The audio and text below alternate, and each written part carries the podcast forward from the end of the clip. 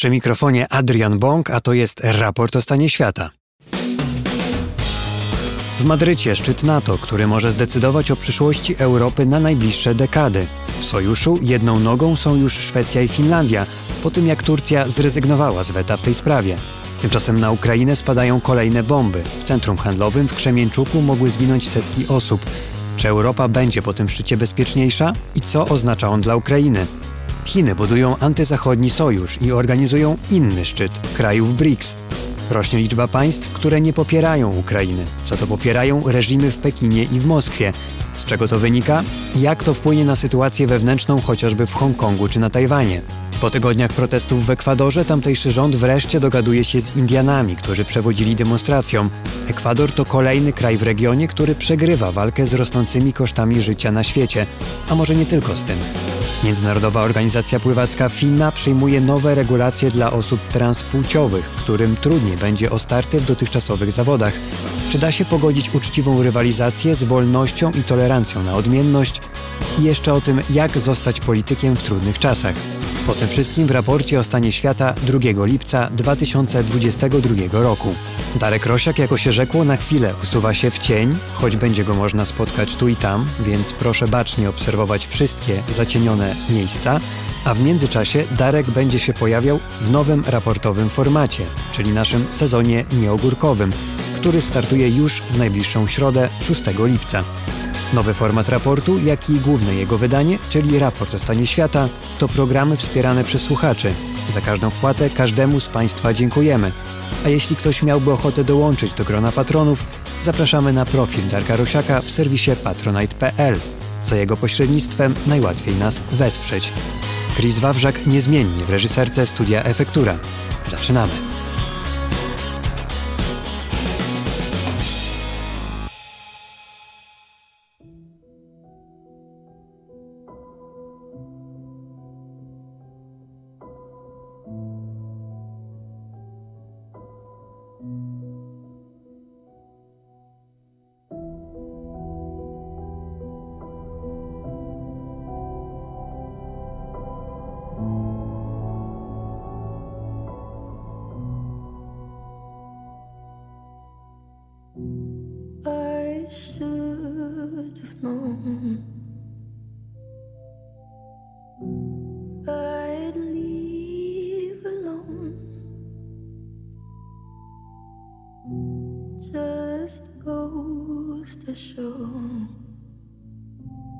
Blood you bleed is just the blood you own. We were a pair, but I saw you there. Too much to bear. You were my life, but life is far away from fair. Was I stupid to love you? Was I reckless to help? Was it obvious to everybody else that I've fallen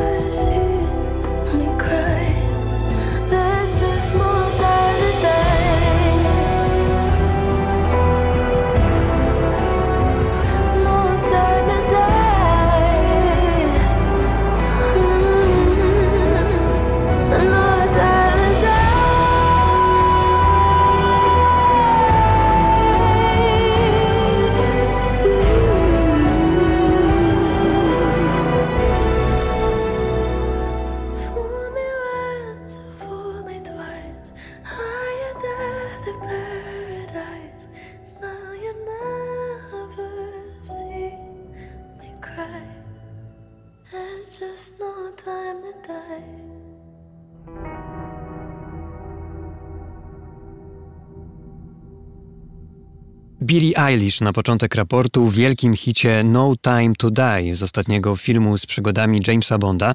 Piosenka o zawiedzionym zaufaniu, kłamstwie, niesprawiedliwości świata, ale też sile woli, przetrwania, z nutką nadziei mimo wszystko. To był niezwykle dramatyczny tydzień wojny w Ukrainie, bestialski atak Rosji na centrum handlowe w Krzemieńczuku na wschodzie tego kraju, gdzie przebywało ponad tysiąc cywilów, ostrzał rakietowy bloku mieszkalnego w obwodzie odeskim, w którym zginęły także dzieci. Siły rosyjskie prowadzą ofensywę na Lisiczańsk w obwodzie ługańskim. Rosjanie opuścili za to wyspę Węży, którą okupowali od początku ofensywy, a w Madrycie szczyt Sojuszu Północnoatlantyckiego NATO przejmuje nową strategię bezpieczeństwa, w której Rosja jest traktowana jako największe zagrożenie dla bezpieczeństwa sojuszników oraz pokoju i stabilności w obszarze euroatlantyckim. Szwecja i Finlandia z oficjalną zgodą wszystkich państw NATO, w tym Turcji, na dołączenie do paktu, na szczycie nie padły za to żadne słowa nadziei w kierunku Ukrainy właśnie i jej ewentualnej akcesji. Pierwszym gościem raportu jest Wojciech Lorenz z Polskiego Instytutu Spraw Międzynarodowych, ekspert do spraw obrony i bezpieczeństwa międzynarodowego, który miał okazję na miejscu w Madrycie przyglądać się szczytowi i jego ustaleniom. Dzień dobry. Dzień dobry, witam. Zacznijmy od Ukrainy, bo w końcu no nie sposób zacząć od e, czegoś innego. Prezydent Ukrainy Wołodymir Zełęński był wyraźnie zawiedziony tym, że sojusz no nie dał żadnych sygnałów, że widzi Ukrainę w NATO w przyszłości.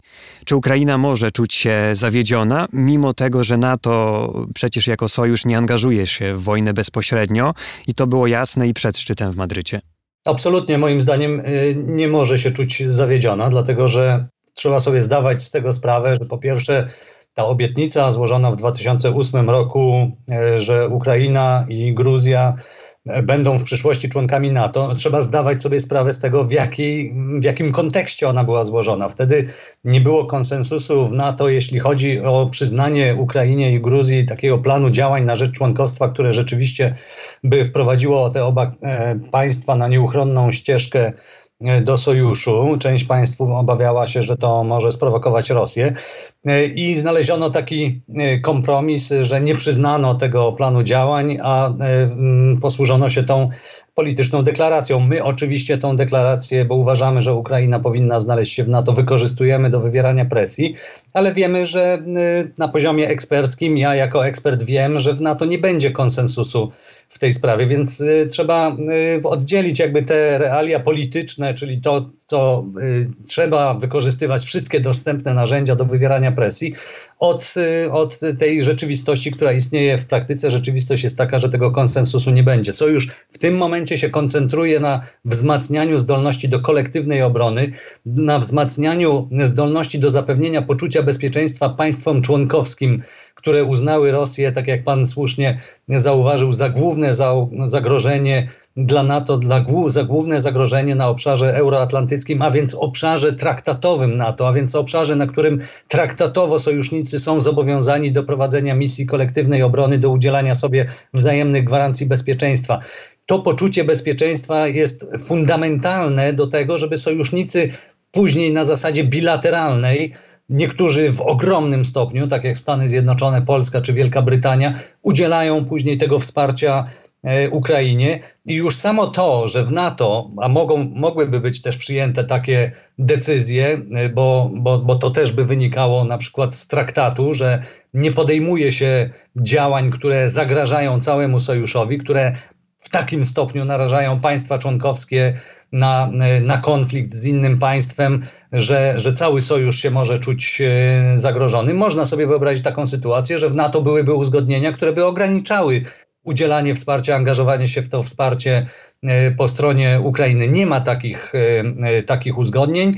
Zostały potwierdzone te zobowiązania z Bukaresztu, zostały wpisane do koncepcji strategicznej, chociaż w ostatnich miesiącach sam byłem obiektem jakiejś presji ze strony y, niektórych ekspertów, którzy uważali, że trzeba po prostu z tego zrezygnować y, w nowej koncepcji strategicznej. To wszystko się znalazło i uważam, że to są optymalne rozwiązania dla Ukrainy. I to są właśnie te realne działania, oczywiście bilateralne, jak pan wspomniał, dwustronne, które zmierzają do zwiększenia potencjału obronnego w wojnie czy przeciwstawieniu się agresorowi. Mamy do czynienia rzeczywiście no, z historycznym szczytem. Każdy szczyt, na którym przyjęta jest nowa koncepcja strategiczna, jest w pewnym sensie historyczny, ale poprzednie trzy pozimnowojenne strategie, jedyne jawne, bo w czasie zimnej wojny były, e, były e, tajne, pokazywały, że mamy do czynienia z zupełnie innym otoczeniem strategicznym ze środowiskiem bezpieczeństwa, gdzie ciągle albo sojusz się koncentrował na tak zwanych nowych wyzwaniach i zagrożeniach asymetrycznych, takich jak terroryzm, ciągle była nadzieja na zbudowanie kooperatywnego systemu bezpieczeństwa z Rosją jako jego częścią. Dlatego właśnie jeszcze w poprzedniej, chociaż już była wojna e, z agresja rosyjska na Gruzję, jeszcze w poprzedniej strategii z 2010 roku sojusz wskazywał, że w interesie strategicznym sojuszu, czy i Rosji i, i NATO byłoby zbudowanie partnerstwa. Dzisiaj już nie ma o tym mowy. NATO jasno mówi, że Rosja nie jest partnerem. W ten sposób pośrednio jakby wyrzuca do kosza to porozumienie z Rosją z 1997 roku, które było wykorzystywane do ograniczania zdolności NATO e, do rozmieszczania wojsk e, na wschodniej flance sojuszu.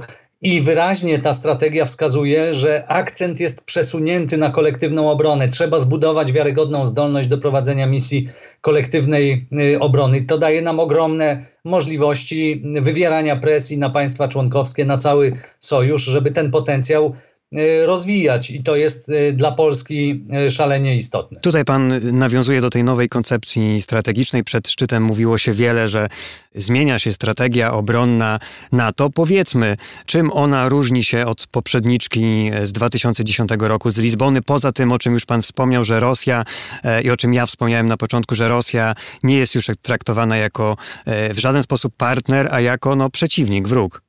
Oczywiście nie, nie, nie, jest tutaj używane słowo wróg, ale ten sformułowanie e, strategii jednoznacznie wskazuje, że Rosja jest bezpośrednim zagrożeniem, że należy się liczyć nawet z groźbą e, rosyjskiego ataku na terytorium sojuszu, więc to jest fundamentalna zmiana wobec poprzedniej strategii, gdzie za główne zagrożenie było wskazywane, był wskazywany terroryzm, natomiast groźba ataku na terytorium NATO była e, określana jako skrajnie mało e, prawdopodobna, więc to jest kopernikański przewrót, powiedziałbym, jeśli chodzi o, o strategię. Pamiętajmy, że strategia ma wyznaczać e, takie główne ramy działania w długiej perspektywie na kolejną dekadę, natomiast większość rzeczy, które będą popychały do przodu tą transformację sojuszu, to są już uzgodnienia na niższych e, szczeblach, to już będą uzgodnienia wojskowe, często, często tajne. One są już realizowane od kilku lat. Sojusz zaczął dostosowywać swoją strategię, zdolność do obrony i odstraszania Y, po rosyjskiej agresji, aneksji Krymu w 2014 roku, ale przyspieszyło to wyraźnie po szczycie w Warszawie w 2016 roku. I wtedy te decyzje w Warszawie, one sprowadzały się do tego, że tak, powinna być wysunięta y, obecność NATO w państwach wschodniej flanki, w państwach bałtyckich, w Polsce i na trochę innej zasadzie w Rumunii, ale to się opierało wszystko na takiej koncepcji tripwire, co ja określam jako detonator e, bardziej e, sygnalizowania politycznego, że gdyby doszło do ataku, to sojusz nie będzie miał wyjścia, zostanie uwikłany w konflikt, bo większość państw sojuszu, włącznie z, z głównymi sojusznikami, państwami nuklearnymi w tych batalionowych grupach bojowych była. Po rosyjskiej agresji na Ukrainę zaczęliśmy argumentować, że taka obecność, taki tripwire, ten detonator nie wystarczy, że musimy mieć zdolność do obrony od pierwszego dnia konfliktu. I tutaj jeszcze oprócz tego, że mieliśmy tą wysuniętą obecność, to główne siły wsparcia pod dowództwem głównodowodzącego siłami NATO y, to były siły szybkiego reagowania sojuszu liczące około 40 tysięcy żołnierzy. Teraz przechodzimy w stronę y, już nie batalionów, ale brygad. To co prawda nie będą ciągle pełne brygady. Y, niektóre państwa sygnalizowały, że są gotowe zbudować te brygady. Brytyjczycy w Estonii a Niemcy e, na Litwie, ale na przykład dla, e, dla Kanady, która dowodzi tą batal, dowodziła batalionową grupą bojową na Łotwie, wysłanie gdzieś brygady to jest w ogóle nie do udźwignięcia. Więc y, w tym momencie y, na poziomie na razie politycznym zapadła decyzja, że będziemy dążyć do tworzenia tych brygad. Brytyjczycy i, i Niemcy tutaj y, jasno zadeklarowali, że są gotowi to robić. Nawet jeżeli nie będzie to pełna brygada na co dzień utrzymywana, to mają te państwa dążyć do tego, żeby w ciągu kilku dni być w stanie taką brygadę stworzyć. I to już to jest bardzo ważna rzecz, bo to podnosi próg ewentualnej e, agresji. Pamiętajmy, że agresja z dnia na dzień jest bardzo mało prawdopodobna. No, Rosja nie utrzymuje przy granicach z sojuszem całych armii, które mogłyby z dnia na dzień przeprowadzić ofensywę. Nawet do tej agresji na Ukrainę zbudowanie potencjału e, zajęło jej kilka e, miesięcy. Od kwietnia zeszłego roku przygotowywała się do ofensywy, która zaczęła się w lutym, więc oczywiście jest taki czas na ostrzeżenie strategiczne. Ale co jeszcze istotniejsze, że oprócz tego, że wzrośnie nieco, bo to nie jest radykalna zmiana, ale nieco wzrośnie ta obecność e, sił sojuszniczych na wschodniej flance, podnosząc próg ewentualnej agresji, radykalnie zostaną zwiększone siły oddane pod bezpośrednio dowództwo dowódcy NATO. E, więc on nie będzie miał e, tylko 40 tysięcy e, wojsk, w zasadzie jednej dywizji, tylko teraz przez ten rok będą ustalenia dotyczące stworzenia sił o wielkości nawet pół miliona, 500 tysięcy wojsk mają być bezpośrednio oddanych, ma być bezpośrednio pod dowództwo NATO. Część będzie zdolna do zmobilizowania i przerzutu w ciągu 10 dni, część w ciągu miesiąca i część do, do pół roku. I to ma pozwolić na zarządzanie e, w, tymi zdolnościami sojuszu w sytuacji narastającego kryzysu, tak jak obserwowaliśmy to przygotowywanie Rosji do agresji na Ukrainie, budowanie tego potencjału. Gdyby było widać, że Rosja przygotowuje taki potencjał, który może być wykorzystany do agresji na NATO, no to główny dowodzący siłami sojuszu będzie miał czas, żeby poszczególne elementy wraz z tym budowaniem rosyjskiego potencjału przemieszczać, tak żeby E, żeby wzmacniać bezpieczeństwo e, sojuszu, żeby pokazać, że Rosja nie będzie w stanie przeprowadzić takiej, takiej agresji, że się po prostu odbije jak od muru od tego potencjału sojuszu. Y, wspomina Pan o liczbach. Pojawiła się także liczba 300 tysięcy e, żołnierzy, zwiększanie sił odpowiedzi na to, czy sił szybkiego reagowania do 300 tysięcy. To jest, właśnie to, to jest właśnie to, o czym powiedziałem. Sekretarz generalny mówił o tych 300 tysiącach, ale teraz już się pojawiły szczegóły i one pokazują, że nawet nie mówimy o 300, tylko mówimy 100 tysięcy w 10 dni, 200 tysięcy w miesiąc i pół miliona w pół roku. No właśnie, bo w tej nowej strategii te liczby, jak się zdaje, się nie pojawiły. Czy to należy traktować jako wyzwanie na bliską przyszłość? Bo pojawiają się informacje, pan wspomniał też o Niemczech, że Niemcy na przykład na ten cel chcą wydzielić jedynie 15 tysięcy żołnierzy. Skąd te 300 tysięcy czy pół miliona żołnierzy ma się wziąć? Tak, w strategii takich rzeczy się nie zapisuje, one się za, zapisują w strategii wojskowej. Strategia wojskowa jedna została przyjęta w 2019 roku, pierwsza od lat 60. Y, w sojuszu. Ona jest oczywiście tajna i będzie y, przypuszczalnie teraz też aktualizowana po przyjęciu tej ogólnej strategii politycznej. Natomiast to jest bardzo oczywiście zasadne pytanie, y, ponieważ to się nie pojawiło ani nie, naturalnie nie pojawiło się w strategii, nie wspomina się o tym w deklaracji, y, ale są wyraźnie ustalenia polityczne, że w tą stronę ten rozwój struktury sił NATO ma, ma zmierzać. Pytanie, skąd te siły mają się wziąć, jest jak najbardziej zasadne. Wiemy, że Niemcy do tej pory tego potencjału nie miały, ale zapowiedziały Y, y, przeznaczenie 100 miliardów euro y, na zbudowanie tego potencjału, który mają zgodnie z ustaleniami w sojuszu mieć.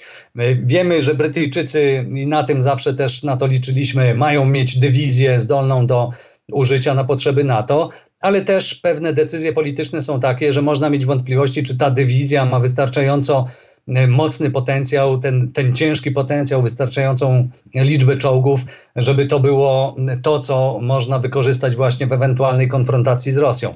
Dywizje mają przeznaczyć też, e, też Francuzi i też tutaj będziemy musieli e, współpracować z, z, Francuzami, żeby i wywierać na, na, na nich presję, żeby ten potencjał rzeczywiście się znalazł.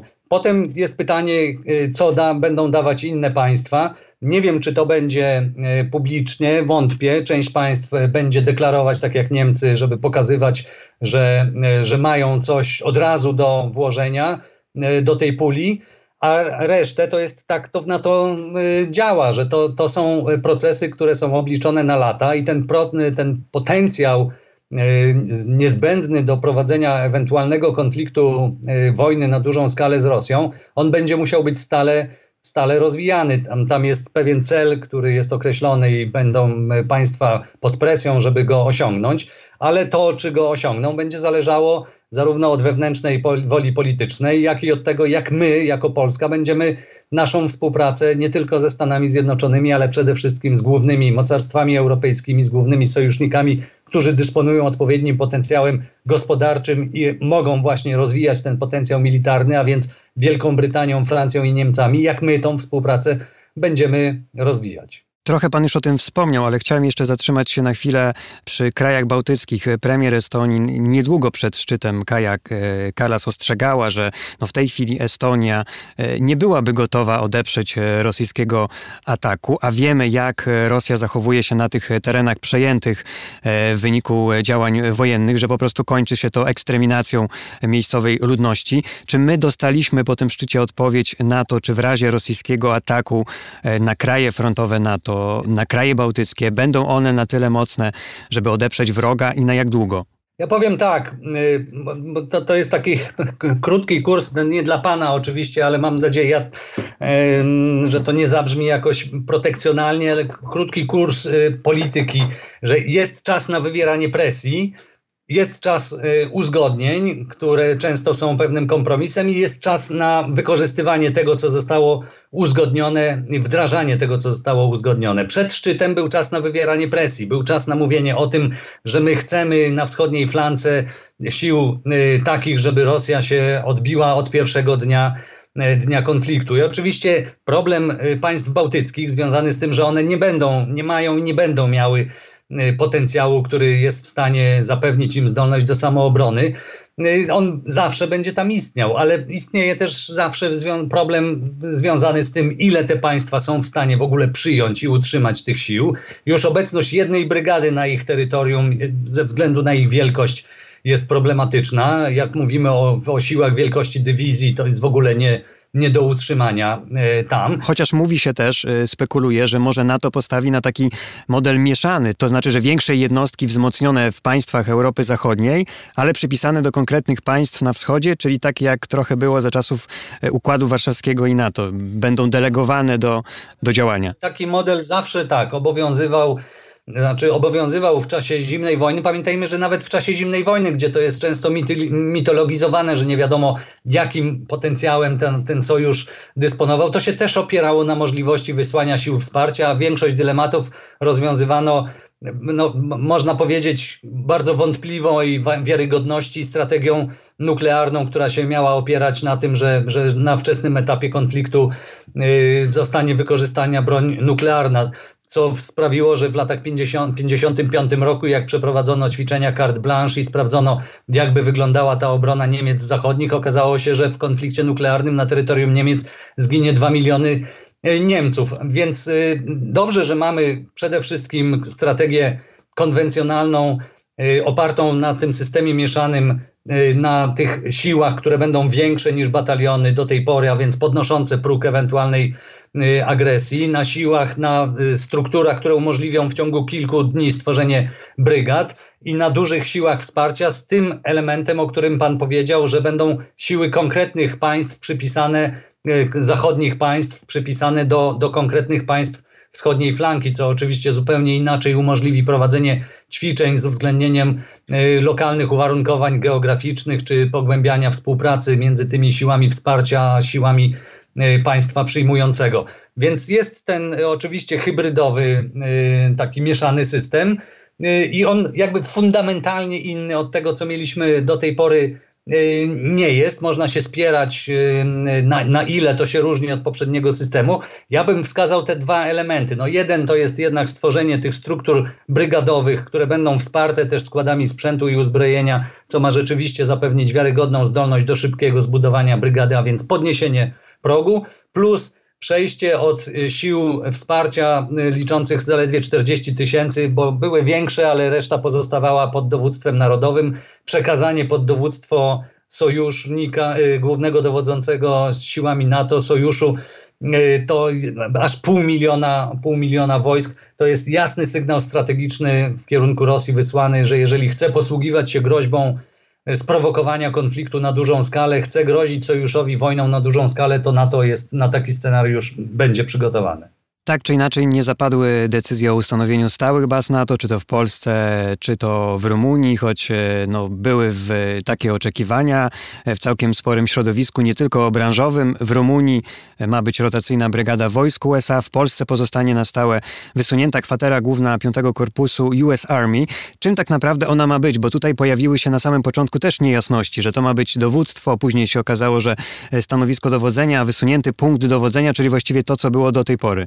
Ja jeszcze się odniosę do tej y, dyskusji o stałe, stałych bazach. Pamiętajmy, że te siły NATO, y, te bataliony, które mieliśmy do tej pory i teraz wzmocnione struktury, to jest obecność stała. Nawet jeżeli one są na zasadzie rotacji, to w obecnej sytuacji strategicznej i politycznej w tej sytuacji bezpieczeństwa nie ma ani wyznaczonego horyzontu wycofania tych, tych wojsk, ani nie ma najmniejszych szans na to, żeby te wojska były wycofane. Więc te wojska są tutaj y, na stałe. Posługiwanie się tymi odniesieniami do, do znowu do zimnej wojny, że z rodzinami, że infrastruktura, żłobki i przedszkola. Oczywiście, że to dla państwa przyjmującego jest o wiele bardziej komfortowe, bo to jeszcze jakby utrwala tą, tą, tą stałość i pokazuje, że to już Y, zostanie tutaj na, na, na 50 lat. Ale ta, ta argumentacja, dla, zwłaszcza dla Amerykanów, ciężko jest ich do tego przekonać, bo oni pamiętają, jak doszło do rozwoju tej infrastruktury y, w, w, czasie zimnej wojny, w dużej mierze przypadkowo, a później stali się zakładnikiem tej, tej sytuacji. Europejczycy uważali, że Amerykanie są na stale i na stałe będą bronić Europy za wszelką cenę, choćby nie wiadomo co w związku z tym mogą nie ponosić odpowiednich wydatków na obronność. I Amerykanie tego błędu po prostu nie chcą, e, nie chcą e, popełnić e, po raz drugi z ich perspektywy i dlatego tak szalenie trudno jest ich przekonać do, do mówienia o tym, że coś jest stałe i że zacznie tu być budowana infrastruktura. Ale to zmierza w tą stronę. Jest sygnał, że dowództwo korpusu jest na stałe czy element dowództwa, zaczynają być rozmieszczane elementy, które mają utrwalać tą amerykańską obecność, dowództwo garnizonu, batalion wsparcia, więc to w tą stronę zmierza, ale rzeczywiście taka decyzja o tej stałej bojowej obecności amerykańskiej e, nie zapadła. I wracając do tego pytania o piąty korpus US Army, to ma być dowództwo, stanowisko dowodzenia, wysunięty punkt dowodzenia? To, to te sygnały są, e, są sprzeczne, inne sygnały płyną z, z Białego Domu, inne z Pentagonu. Wygląda na to, że rozbudowywana jest ta wysunięta ten wysunięty element dowództwa piątego korpusu. Nie, nie jestem pewien, nie widzę, żeby była decyzja o rozmieszczeniu całego dowództwa, liczącego powyżej 500, około 700 osób, pracowników, żołnierzy. Więc na razie to mamy tylko takie sygnały polityczne, że jest to stała, stała obecność, a czy zostanie to rozbudowane do pełnego dowództwa korpusu, to, y, to nie jest jasne. Natomiast już samo rozmieszczenie, ale to już wcześniejsza decyzja, rozmieszczenie tego w Polsce pokazuje, że Stany Zjednoczone chcą y, i mają zdolność do prowadzenia operacji siłami o wielkości korpusu. Rozmieszczają także elementy, takie zdolności i te decyzje zapadły nowe o wzmocnieniu zdolności do obrony powietrznej, rozmieszczeniu tych zdolności we Włoszech i w Niemczech.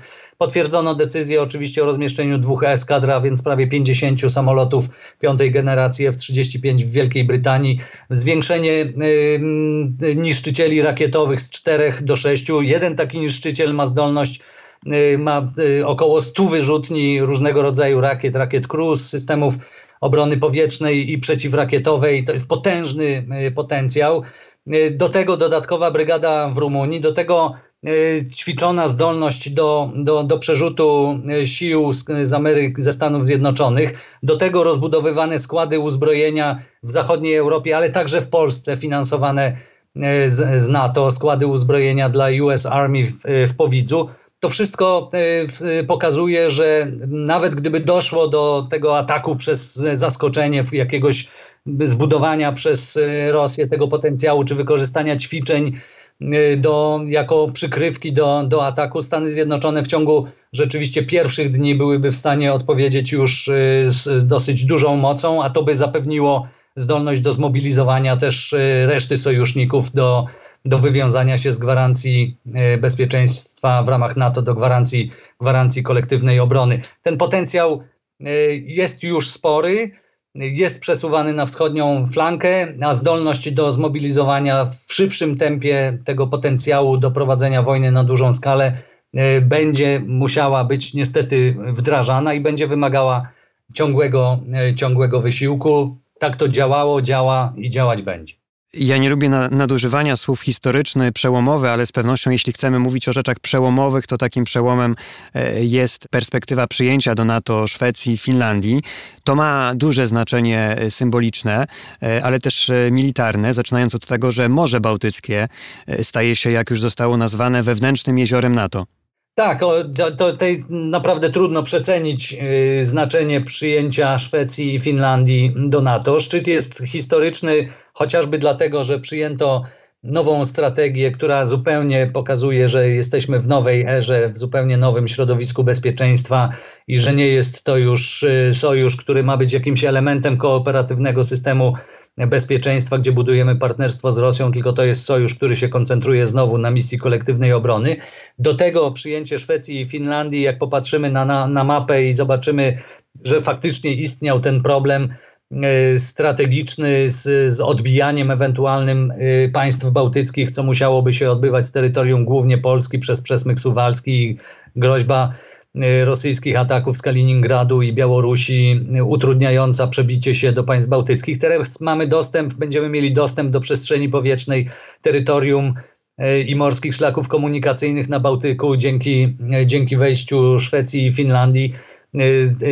To ich zobowiązanie do zapewnienia zdolności do obrony własnego terytorium, ale także wsparcia misji sojuszu, obrona Gotlandii przez Szwecję, obrona Wysp Holandzkich przez Szwecję i Finlandię, zdolność do wzmocnienia potencjału NATO do uzyskania dominacji w powietrzu.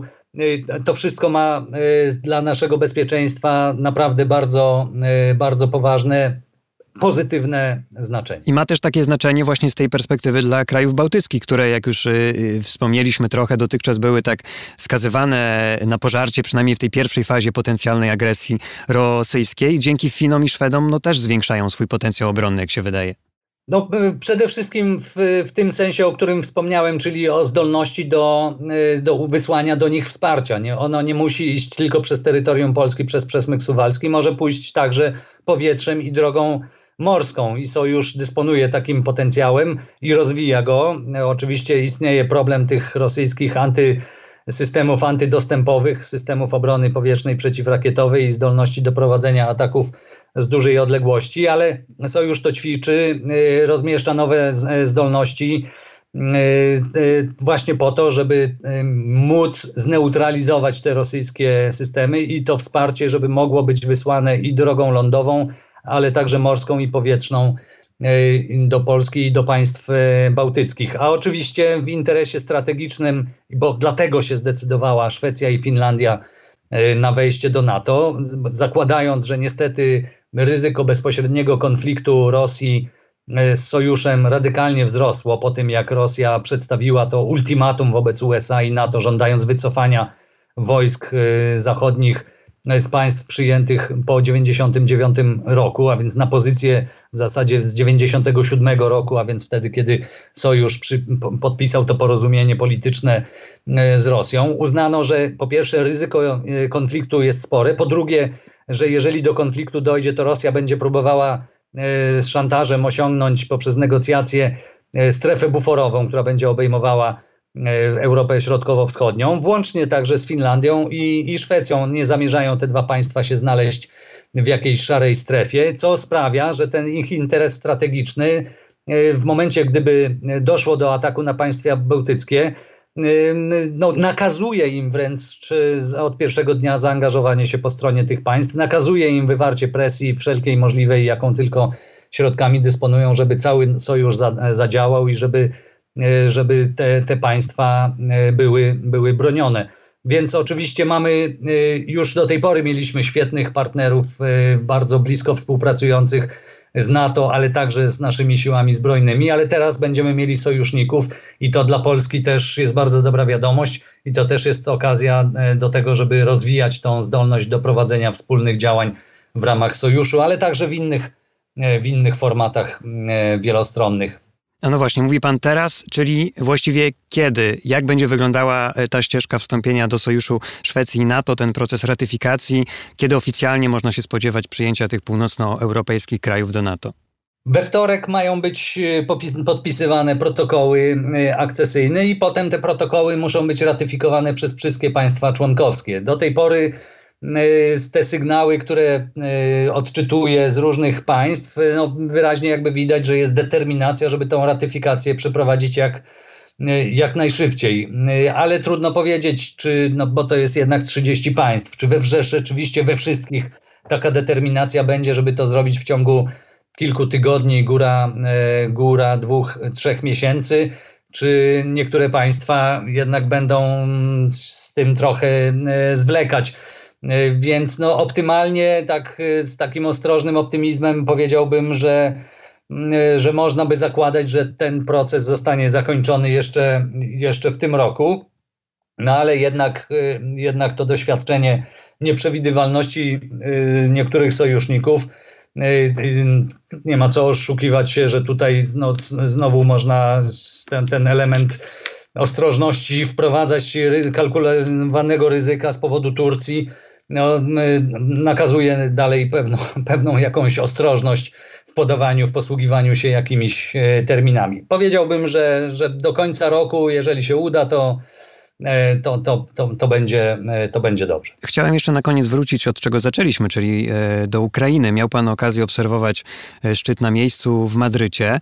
Proszę powiedzieć, jakie jest to ogólne wrażenie po szczycie, bo oczywiście z jednej strony mamy mnóstwo ważnych, dobrych dla NATO decyzji. Właściwie mamy NATO tworzone na nowo, ale z drugiej strony wiemy, co dzieje się na froncie wojny w Ukrainie.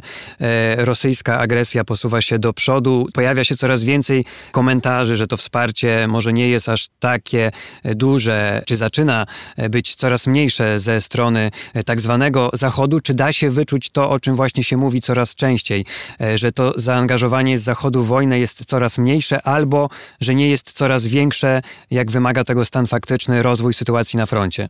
Nie, nie, nie, nie było e, e, takiego wrażenia. W zasadzie e, jest poczucie, że to wsparcie jest coraz większe, ale są też obawy, że w długiej perspektywie oczywiście może być trudno je utrzymać, bo inflacja, bo znudzenie, bo w ciągu pierwszego tygodnia wojny na Ukrainie, w Stanach Zjednoczonych było 100 milionów wyświetleń. Ukraina w, w sieci, a teraz w ciągu tygodnia mamy może, nie wiem, 100 tysięcy. E, więc to widać, że to zainteresowanie, te emocje będą słabły i to stwarza jakby też taką no, nową rzeczywistość polityczną. E, więc to jest wyzwanie dla, dla sojuszu, żeby utrzymać to wsparcie dla Ukrainy, dla poszczególnych państw członkowskich sojuszu, żeby utrzymać je w długiej perspektywie. Pamiętajmy i też, żebyśmy nie mieli tutaj złudzeń. NATO się nie zaangażuje w wojnę na, e, na Ukrainie. To jest czerwona linia. To jasno powiedział ten prezydent USA i prawdopodobnie powiedziałby to e, każdy, każdy inny. E, Sojusz nie chce stwarzać pretekstu do, do rozpoczęcia bezpośredniej konfrontacji z, z Rosją. Rosja oczywiście wykorzystuje także tę, tą groźbę wciągnięcia NATO w wojnę po to, żeby próbować odstraszyć sojuszników od udzielania wsparcia Ukrainie, ale w ograniczonym stopniu się jej to udaje. Te państwa, które były najbardziej zdeterminowane, pozostają e, zdeterminowane, żeby tego wsparcia udzielać. Pojawia się już także myślenie o tym e, i mówienie o tym, że trzeba się powoli przestawiać albo szybko przestawiać tak naprawdę na e, zdolności przemysłowe w trybie wojennym, które będą w stanie zbudować nie 40 haubic w ciągu roku, tylko będą w stanie ich dostarczać w setkach. E, więc e, to myślenie o tym, że jesteśmy e, pośrednio już na wojnie z, z Rosją i musimy mieć zdolność do szybkiego rozwijania tego potencjału jest. Absolutnie fundamentalne, tak jak powiedziałem na początku, jest to, żeby w sojuszu było poczucie bezpieczeństwa, że NATO się koncentruje na kolektywnej obronie i jest to wiarygodna zdolność do obrony własnego terytorium, żeby to wsparcie dla Ukrainy można było udzielać w długiej perspektywie, żeby y, ten defetyzm, który ciągle płynie z niektórych państw, kolejne listy jakichś niemieckich intelektualistów, że za wszelką cenę trzeba teraz y, wywrzeć presję na Ukrainę, żeby się dogadała z Rosją, żeby przynajmniej nie płynęło to z braku poczucia bezpieczeństwa. Ale to nie jest tylko defetyzm ze, ze, strony y, Niemiec, choć oczywiście Niemcom można by wiele zarzucić, ale ostatnio na przykład stacja CNN donosiła, że Biały Dom traci pewność, że Ukraina odzyska utracone terytoria, że być może powinno się nieco złagodzić y, swoje żądania. A ja nie wiem, czy Biały Dom miał kiedykolwiek pewność, że Ukraina będzie w stanie odzyskać utracone terytoria. Y, pojawiają się mm, y, takie informacje oczywiście w przestrzeni publicznej, ale to ja nie, nie znajdę żadnej informacji z początku konfliktu czy sprzed dwóch miesięcy, kiedy by jasno padały deklaracje, że, że są takie kalkulacje, że Ukraina będzie taką zdolność posiadała. Od początku było to wiadomo, że to wsparcie dla Ukrainy Y, musi się opierać na tym, żeby była w jak największym stopniu w stanie y, się obronić, żeby uniemożliwić pójście Rosji y, dalej, żeby nałożyć na Rosję jak największe koszty, a ostatecznie jakie będą polityczne uwarunkowania, w jakich to Ukraina będzie z Rosją negocjować, to znowu sprowadzało się do tego, żeby była w stanie negocjować z pozycji siły, że pokazała, że po prostu Rosja nie osiągnęła swoich strategicznych celów, nie podporządkowała całkowicie Ukrainy, wykroiła dodatkowo terytorium na wschodzie, przejęła być może właśnie kontrolę nad całym Donbasem i zbudowała ten korytarz do, y, do, do Krymu, y, ale, ale jednak y, nie, nie, nie podbiła całej, całej Ukrainy. I tutaj no, no, tych złudzeń, że, że Ukraina będzie w stanie przeprowadzić jakąś wielką kontrofensywę, żeby odzyskać te utracone terytoria, ja nie widziałem, szczerze mówiąc. Więc no, to, to są jakby CNN czy każde inne medium może szukać newsa i, i, i robić newsa z tego, że, że są obawy, że Ukraina nie będzie w stanie tego odzyskać. Myślę, że Ukraińcy mają tego pełną świadomość, ale Y, y, że środkami militarnymi będzie to mało y, realistyczne. Myślę, że te kalkulacje polityczne związane są przede wszystkim z tym, żeby pokazać, że Rosja dalej nie pójdzie, że sankcje w końcu zaczną przynosić taki efekt w połączeniu ze stratami ponoszonymi na Ukrainie, że Rosja będzie szukać możliwości wynegocjowania jakiegoś zawieszenia broni. Wszyscy wiedzą, że ono będzie nietrwałe, że trzeba się będzie liczyć z tym, że jak Rosja wzmocni swój potencjał, to ponownie będzie chciała przystąpić do, y, być może będzie y, rozpocznie nową ofensywę w przyszłości, albo będzie próbowała y, zdestabilizować Ukrainę, zagłodzić ją, pokazać, że jest to państwo niestabilne, żeby tak czy siak wpadła w rosyjskie ręce w perspektywie pięciu czy, czy 10 lat, a dla Zachodu wyzwaniem będzie to, żeby wzmacniać dalej potencjał Ukrainy w takim stopniu, żeby ten rosyjski scenariusz się nie zrealizował. Ukraina nigdy nie zrezygnuje i żadne państwo by nie zrezygnowało e, ze swojego terytorium, więc nie podpisze się pod żadnym porozumieniem, w którym e, zrezygnuje z Krymu, czy, czy Donbasu, czy obwodu hersońskiego ale może w taki sposób prowadzić tą politykę, że będzie komunikować, że będzie dążyć do odzyskania tego terytorium metodami politycznymi, a nie przy pomocy siły. E, I, e, I to są pewnie te ramy, w których się możemy w przyszłości poruszać, kiedy będziemy e, już się mogli zastanawiać, czy rzeczywiście są jakieś szanse na przynajmniej tymczasowe zawieszenie broni. Na razie takich, takich uwarunkowań nie ma. Bardzo dziękuję. Wojciech Lorenz z Polskiego Instytutu Spraw Międzynarodowych, ekspert do spraw obrony i bezpieczeństwa międzynarodowego, był gościem raportu o stanie świata. Dziękuję bardzo. Niby wakacje, czas odpoczynku, a na światowych salonach politycznych aż wrze, bo przecież poza zakończonym właśnie szczytem NATO, chwilę wcześniej w niemieckim Elmau mieliśmy także szczyt G7, najbardziej uprzemysłowionych krajów na świecie, czyli Francji, Stanów Zjednoczonych, Wielkiej Brytanii, Niemiec, Japonii, Włoch i Kanady, a jeszcze wcześniej wirtualny szczyt BRICS, forum współpracy Brazylii, Chin, Rosji, Indii i RPA. Gospodarzem tego ostatniego szczytu były Chiny. Niemiecki dziennik Die Welt pisał po nim, że właśnie na naszych oczach rośnie w siłę antyzachodni sojusz, zarówno politycznie, jak i gospodarczo. Wiatr zmienił kierunek, pisał autor komentarza Stefan Aust. E, pisał o zwiększającej się roli Chin w przyciąganiu kolejnych krajów, a może odciąganiu kolejnych krajów od Zachodu. A moim gościem jest Michał Bogusz z Ośrodka Studiów Wschodnich. Dzień dobry. Dzień dobry. Zacznijmy może jednak od szczytu NATO i nowej strategii bezpieczeństwa, o której właśnie rozmawialiśmy. E, w tej strategii Chiny także się pojawiają. Pierwszy raz w historii pojawia się hasło aliansu e, chińsko-rosyjskiego. Pisze się, że Chiny są wyzwaniem dla bezpieczeństwa sojuszu. E, Pekin już zdążył potępić te odniesienia, uznając je za zimnowojenne. Czy dla Chin to ma jakieś znaczenie, jak NATO traktuje i jak odnosi się do państwa środka? Ma o tyle, że Chiny obawiają się, że gdyby same podjęły jakąś własną operację specjalną w obszarze inwazji wschodniej, to wtedy NATO by się zaangażowało. Może nie bezpośrednio, ale na pewno wsparłoby państwa sojusznicze, te, które są uznają za podobnie myślące. Japonię, Australię, Nową Zelandię, może także Indie. Wsparły e, przeciwko potencjalnej chińskiej agresji i z punktu widzenia Pekinu łączenie Chin z Rosją, mimo że jest faktem, ponieważ mamy do czynienia z de facto sojuszem, to Pekin oczywiście będzie przeciwdziałał temu i twierdził, że nie ma żadnego sojuszu, chociaż on de facto funkcjonuje, jesteśmy jego świadkiem. O tym sojuszu chińsko-rosyjskim jeszcze porozmawiamy, ale teraz wracając do szczytu BRICS, czym jest y, z kolei dla Chin BRICS?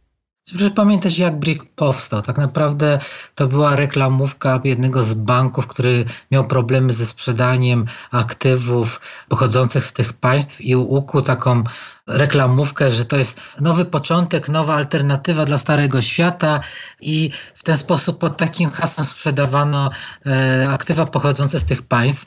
Te państwa same to podchwyciły, ale raczej tylko po to, żeby pod podtrzymać atrakcyjność tego, tego hasła, żeby e, przyciągnąć inwestorów ze świata. E, potem próbowano utworzyć z tego jakieś alternatywę polityczną, czy to dla G7, czy dla Zachodu jako takiego. Ale nie zmienia faktu, że sprzeczności pomiędzy poszczególnymi państwami, zwłaszcza między Indiami a Chinami, wewnątrz tej, tej układanki są zbyt duże. Ona, ona, dlatego BRICS nie jest w stanie wygenerować czegoś poza takim sztafarzem, taką platformą polityczną dla aktywności międzynarodowej tych państw, które nie łapią się na, na, na spotkania typu e, G7. Ale z drugiej strony właśnie e, Chiny można odnieść wrażenie, że budują pewną platformę. Pan wspominał o tych początkach ekonomicznych. To jest główny ciągle cel działania tej platformy, ale wydaje się, że ona właśnie robi się coraz bardziej polityczna, czy wręcz e, o charakterze ideowym, bo chińskie media państwowe chwalą podczas szczytu blok gospodarek krajów wschodzących, wchodzących w skład platformy za promowanie niezachodnich stylów, form i zasad. No właśnie, słusznie pan to nazwał wrażenie. Takie oczywiście propaganda chińska chce stworzyć wrażenie, ale przypominam, że w tym bloku jest Brazylia, która jest demokracją. Nawet jeżeli teraz ona trochę boksuje, to nie, nie zmienia faktu, że jest to funkcjonująca demokracja. Funkcjonującą demokracją są Indie i funkcjonującą demokracją jest Republika Południowej Afryki. Więc nie ma tutaj mowy o, o tworzeniu jakiegoś de facto sojuszu państw antyzachodnich, nie promujących zachodnich wartości. Jest to tylko wrażenie kreowane przez chińską chińską propagandę. Owszem, to tworzy platformę polityczną. Te spotkania odbywają się w okolicach dużych wydarzeń międzynarodowych po to, żeby Chiny i Rosja przede wszystkim mogły się podbudować, ale także ci mniejsi czy słabsi partnerzy w BRICSie wykorzystują BRICS jako dźwignię, ale wykorzystują dźwignię, żeby promować się na innych forach. To jest BRICS na dzień dzisiejszy i moim zdaniem przy widelnej przyszłości pozostanie tylko, tylko i wyłącznie, albo może aż tym sposobem promowania się poprzez swoich członków, żeby móc załatwiać swoje interesy na innych forach. No dobrze, ale tutaj można by zapytać o ten podstawowy charakter, czyli ekonomiczny, no bo jakby na przykład spojrzeć e, na potencjał ludnościowy tej platformy, no to kraje BRICS liczą ponad 3 miliardy ludzi, kiedy na przykład e, w krajach G7 mieszka ponad 700 milionów osób. No to jest gigantyczna przewaga. No i dobrze, ale jaki jest produkt krajowy brutto wszystkich tych miliardów ludzi? To jedna rzecz. A po drugie, y, nie ma żadnej platformy wymiany handlowej w ramach BRICS. To jest tylko i wyłącznie nadal spotkania polityków. Nie ma żadnej umowy, która by regulowała handel czy ułatwiała handel pomiędzy tymi państwami. Czyli na przykład porównując, bo pojawiają się takie porównania, pan zresztą też dokonał takiego porównania w jednym ze swoich tekstów na blogu Za Wielkim Murem, porównując dwie platformę G7 i BRICS względem ich potencjału ekonomicznego czy sprawczości ekonomicznej, to tutaj, y, jak rozumiem, nie ma żadnych wątpliwości, że taki potencjał większy ma e, grupa G7, bo na przykład w kontrze można by powiedzieć, że chińska gazeta partyjna Global Times napisała, że G7 reprezentuje XX wiek, a BRICS przyszłość XXI stulecia. To jest, jak rozumiem, tylko i wyłącznie propaganda.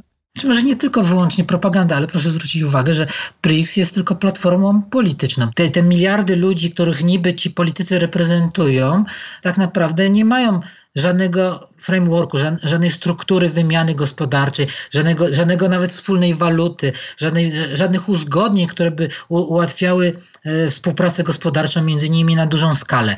Dochodzi do jakichś porozumień, mniejszych, większych, ale dotyczących jakichś konkretnych projektów, słapów walutowych i to nie, nie, i to nie w ramach BRICS-u jako takiego, ale pomiędzy poszczególnymi partnerami. E, I tylko, i tylko, tylko wyłącznie to. Nie ma jakiegoś dużego projektu. BRICS nie jest jakimś wielkim projektem gospodarczym. W każdym razie powstał plan G7, czyli Partnerstwo na Rzecz Globalnej Infrastruktury. Ten plan ma tak trochę też konkurować e, z chińską inicjatywą e, pasa i drogi. Na jakim etapie zaawansowania czy rozwoju jest w ogóle ta inicjatywa? Czy jest jakiś formalny plan nowego pasa i drogi, skoro już mówimy o tych, e, o tych rzeczach formalnych?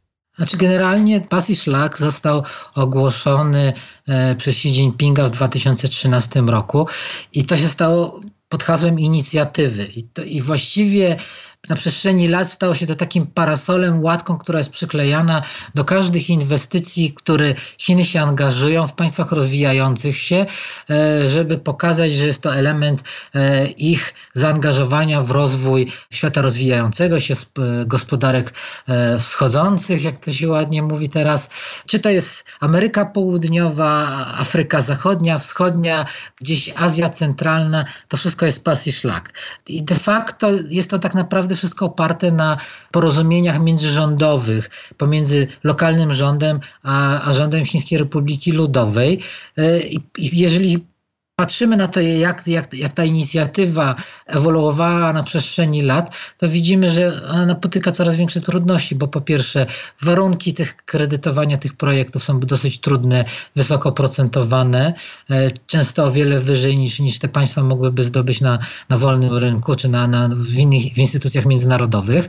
Często są obaszone z żądaniem gwarancji rządowych, co powoduje, że często projekty czysto gospodarcze czy ekonomiczne, które nie, wypada, nie wypalają do końca albo nie są do końca przemyślane, e, obciążają budżety państw, państw i, i, tak naprawdę to państwa, całe społeczności muszą podejmować za nie, nie, decyzje.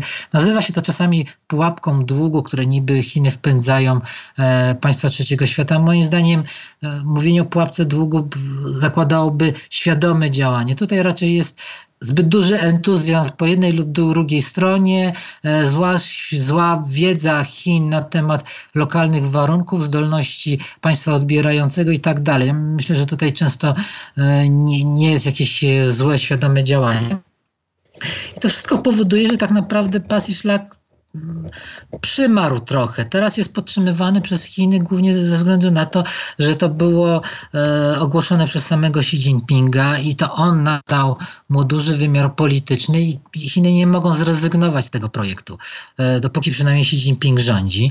A moim zdaniem z kolei odpowiedź grupy G7 jest spóźniona, jest, jest spóźniona o kilka dobrych lat, bo taka inicjatywa ze strony G7 powinna się była pojawić rok, dwa po tym, kiedy Chiny ogłosiły pas i szlak, czyli najpóźniej w roku 2015. Dzisiaj wydaje się, że on jest zbyt rozproszony, nie ma dokładnego scenariusza działania, bo właściwie kiedy państwo A chce e, coś zrealizować w ramach e, chińskiej inicjatywy, to wie, że musi się zgłosić do Pekinu, a właściwie państwo, jeżeli będzie chciało, jakieś państwo, załóżmy afrykańskie, będzie chciało zrealizować jakiś projekt infrastrukturalny, to do kogo ma się zgłosić? Do Stanów Zjednoczonych, do Unii Europejskiej, do poszczególnych państw unijnych, do Japonii, do Wielkiej Brytanii, nie, wi nie wiadomo. Więc tutaj jest, jest dużo znaków zapytania, myślę, że które mam nadzieję będą rozstrzygnięte w przyszłości, ale nie zmienia to faktu, że ta inicjatywa, podobnie jak inicjatywa Pasa i Szlaku, w tej chwili nie jest zbyt y, klarowna i nie do końca wiadomo, czy to będzie fakt w ogóle działało. Ale to znaczy tyle, że Chiny po prostu nie wierzą w rozwój y, tej inicjatywy, że ona się nie rozwija? Myślę, że natrafiły na wiele problemów, w których okazało się, że projekty, które powstały są niedochodowe, e, długi narastają, a państwa odbierające mają problemy z ich spłatą. Właściwie większość takich dużych projektów, które powstały w ramach pasa czy szlaku, czy później właściwie została podpięta pod parasol pasa i szlaku, ma natrafia na pewne problemy. E, przede wszystkim one są niedochodowe, one się nie zwracają. E, często one były bardzo ambitne, to były bardzo ambitne projekty, ale ale możliwości ich wpływu na lokalną gospodarkę na tyle mocno, żeby one mogły się samofinansować w krótkim okresie czasu, były te założenia oparte na zbyt duży, optymistycznych założeniach. E, w efekcie większość tych projektów natrafia na poważne problemy. No tutaj jest e, Przykładem doskonałym Pakistan, gdzie Chiny zaangażowały ogromne sumy i większość tych projektów, nawet jeżeli nie jest dokończona, a jeżeli zostały ukończone, to nie przynoszą dochod, spodziewanych dochodów i wciąż generują straty. Z drugiej strony mówi się o tym, oczywiście nie od dziś, że Chiny są coraz bardziej obecne w Afryce. Mówi się także, że, że są coraz bardziej obecne w Ameryce Łacińskiej, więc może Chinom niepotrzebna jest akurat ta inicjatywa, a działania w innym kierunku po prostu. Myślę, że tak się dzieje. Często coraz bardziej one próbują działać na platformie bilateralnej i dopiero jak się coś uzgodni, zadziała, to wtedy jest to podpinane pod inicjatywę pasa szlaku. Proszę pamiętać, jak powiedziałem, pas i szlak jest hasłem. Jest to łatka, którą można przykleić do dowolnego projektu i tylko po pokazać, że my angażujemy w rozwój trzeciego świata, finansujemy, pomagamy wam się wyciągnąć z biedy, e, robimy coś, czego Zachód nie robi. I taka jest prawda. Chiny przez x lat wypełniały pewną niszę pozostawioną przez Zachód, e, który nie pomagał państwom rozwijającym się bez pomocy finansowej, której one nie są w stanie dogonić i podnieść swojego poziomu życia. I Chiny wykorzystały e, próżnię stworzoną przez Zachód, wchodząc w to. Później ubrały to wszystko w, w, szaty pasa i szlaku jako jakiegoś przemyślanego projektu, e, prawie że dobroczyńczego. No ale tak, tak nie było. Jest to po prostu wykorzystanie dla celów politycznych e, projektów, które były realizowane już przez dekady. I dlatego właśnie, bo tutaj dochodzimy się rzeczy do polityki, dlatego właśnie e, w większości krajów, które e, popierają Chiny, czy mają e, wiele wspólnego ekonomicznie z Chinami, no to poparcie chociażby dla wojny, czy przede wszystkim dla wojny w Ukrainie jest mniejsze, albo w ogóle go nie ma. To się ze sobą łączy, rzecz jasna, na, w sposób naturalny. Moim zdaniem nie. Moim zdaniem po prostu większość państw trzeciego świata przygląda się wojnie na Ukrainie i chce zachować neutralność. To nie oznacza, że popierają tą czy drugą stronę, ale po prostu autentycznie chce zachować neutralność. Uważają, że to jest dla nich daleka wojna w kraju, o którym większość z nich nawet nie słyszała, nie, nie jest w stanie wskazać go na mapie. Traktują tą wojnę tak jak większość Polaków na przykład traktuje wojny w Ameryce Łacińskiej lub w Afryce jest, stosunkowo, jest stosunkowo dla, jest obojętna. Ja rozumiem, że dla polskiego odbiorcy, który emocjonalnie jest zaangażowany w wojnę na Ukrainie, jest to gorzka piłgułka do przełknięcia, że on przez lata był obojętny w stosunku do, do konfliktów dziejących się daleko od Polski, to tak ludzie mieszkający tam gdzieś daleko są równie obojętni do konfliktu na Ukrainie, no ale taka jest rzeczywistość. Myślę, że niektóre państwa, czy niektóre osoby z państw rozwijających się mogą przeżywać swojego Schaudofrede, poczucie takiego może zadowolenia, że także w Europie się dzieje wojna, także Europa jest dotknięta konfliktem. Kiedy Europa ignorowała nasze problemy, ignorowała nasze bóle, nasze tragedie, to dlaczego my mamy się angażować teraz w problemy europejskie lub pomagać jednej lub drugiej stronie? Tak czy inaczej można powiedzieć, że Chiny w ostatnim czasie coraz częściej zabierają głosy w sprawie wojny w Ukrainie, a może inaczej, coraz wyraźniej dają znać, po której stronie się pozycjonują, bo w początkowej fazie wojny to stanowisko wydawało się być bardziej ostrożne. Teraz, gdy Rosja zdobywa kolejne połacie ukraińskiej ziemi na wschodzie, e, gdy wygląda na to, że ta wojna będzie trwać długo, e, Xi Jinping na otwarciu e, szczytu BRICS mówił, że wojna w Ukrainie to sygnał alarmowy dla świata, ale z powodu postawy Zachodu i sankcji nakładanych E, na Rosję, które mają służyć utrzymaniu zachodniej dominacji. Czy Pekinowi ta wojna jest albo zaczyna być na rękę? Myślę, że e, na, na, Pekinowi na rękę byłby scenariusz, który Rosjanie zakładali i który prawdopodobnie opowiadali Chińczykom próbowali sprzedać w, na swój sposób, że to będzie krótka wojna, która doprowadzi do załamania się Zachodu, kompletnego skłócenia i pozwoli zneutralizować e, Europę. Tak się nie stało, więc to nie jest na rękę Chińczykom. Oni mogą wierzyć, że w dłuższej perspektywie e, Rosji uda się zrealizować ten scenariusz, e, że uda się skłócić e, Zachód, że państwa, niektóre państwa zachodnie e, będą zmęczone wojną, będą zmęczone konsekwencjami gospodarczymi nakładanych sankcji i zaczną się z nich wycofywać. Więc w Pekinie wciąż liczą, że ten scenariusz, którego nie udało się zrealizować w ciągu tych przysłowiowych trzech dni, uda się zrealizować w dłuższym okresie czasu i Rosjanie zarówno pokonają Ukrainę, uda im się opanować cały kraj, jak i doprowadzą do rozbicia sojuszu e, zachodniego, do skłócenia państw zachodnich, e, że państwa zachodnie zmęczone, przynajmniej część tych państw zachodnich zmęczonych wojną, jak i kosztami e, sankcji, zacznie się jakby, e, dystansować od konfliktu ukraińskiego i szukać porozumienia z Rosją. E, taki był cel całego tego projektu, jakby na, na poziomie strategicznym, globalnym, skłócić Zachód i zneutralizować Europę jako potencjalnego sojusznika Stanów Zjednoczonych przeciwko Chinom w przyszłości. I Pekin stawia na to, że uda się to zrealizować. Rosja w tym tygodniu ogłosiła, czy raczej Rosji ogłoszono techniczne bankructwo. Kraj nie był w stanie spłacić odsetek od niektórych swoich obligacji, ale nie z takiego powodu, że Rosja nie miała pieniędzy, a przez blokadę banków i zachodnie sankcje. Z pewnością nie ulega wątpliwości, że Rosja ma tak czy inaczej problemy gospodarcze i że wojna działa destabilizująco na ten kraj. Czy Chiny są w stanie uratować Rosję gospodarczo? Gdyby by podjęto taką decyzję, byłyby w stanie bardzo mocny sposób wesprzeć Rosję. Czy uratować? Pytanie jest rozumiane przez uratowanie, utrzymanie poziomu życia nie, ale zapobieżenie katastrofie totalnej tak. Ale to byłoby bardzo dla Chin kosztowne, wymagałoby dużych poświęceń, no i wejście na otwarty konflikt czy, e, z Zachodem. E, na dzień dzisiejszy Pekin nie jest na to gotowy, ani nie widzi potrzeby, żeby tego dokonać, ponieważ zakłada, że Rosja radzi sobie na dzień dzisiejszy.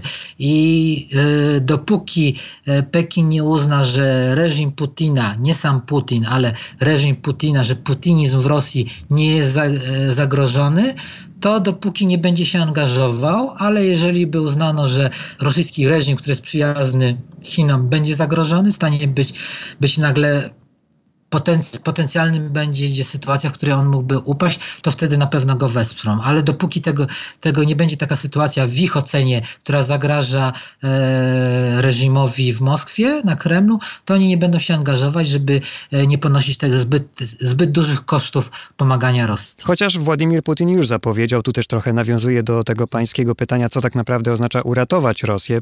Putin zapowiedział, że dzięki kontaktom z krajami BRICS, e, przede wszystkim z Chinami, Rosja obejdzie e, zachodnie sankcje. W Rosji wzrośnie liczba chińskich aut. E, Chiny także importują rosyjską ropę. No, mówił o tym w takim kontekście, jakby to miało być już za chwilę albo już się działo. Znaczy, na pewno Chin, chińskie firmy, tam gdzie mogą, w sektorach, które nie są objęte sankcjami, zwiększają swoją aktywność w Rosji. Tam, gdzie grożą im sankcje, to się wycofują albo zamrażają swoje projekty.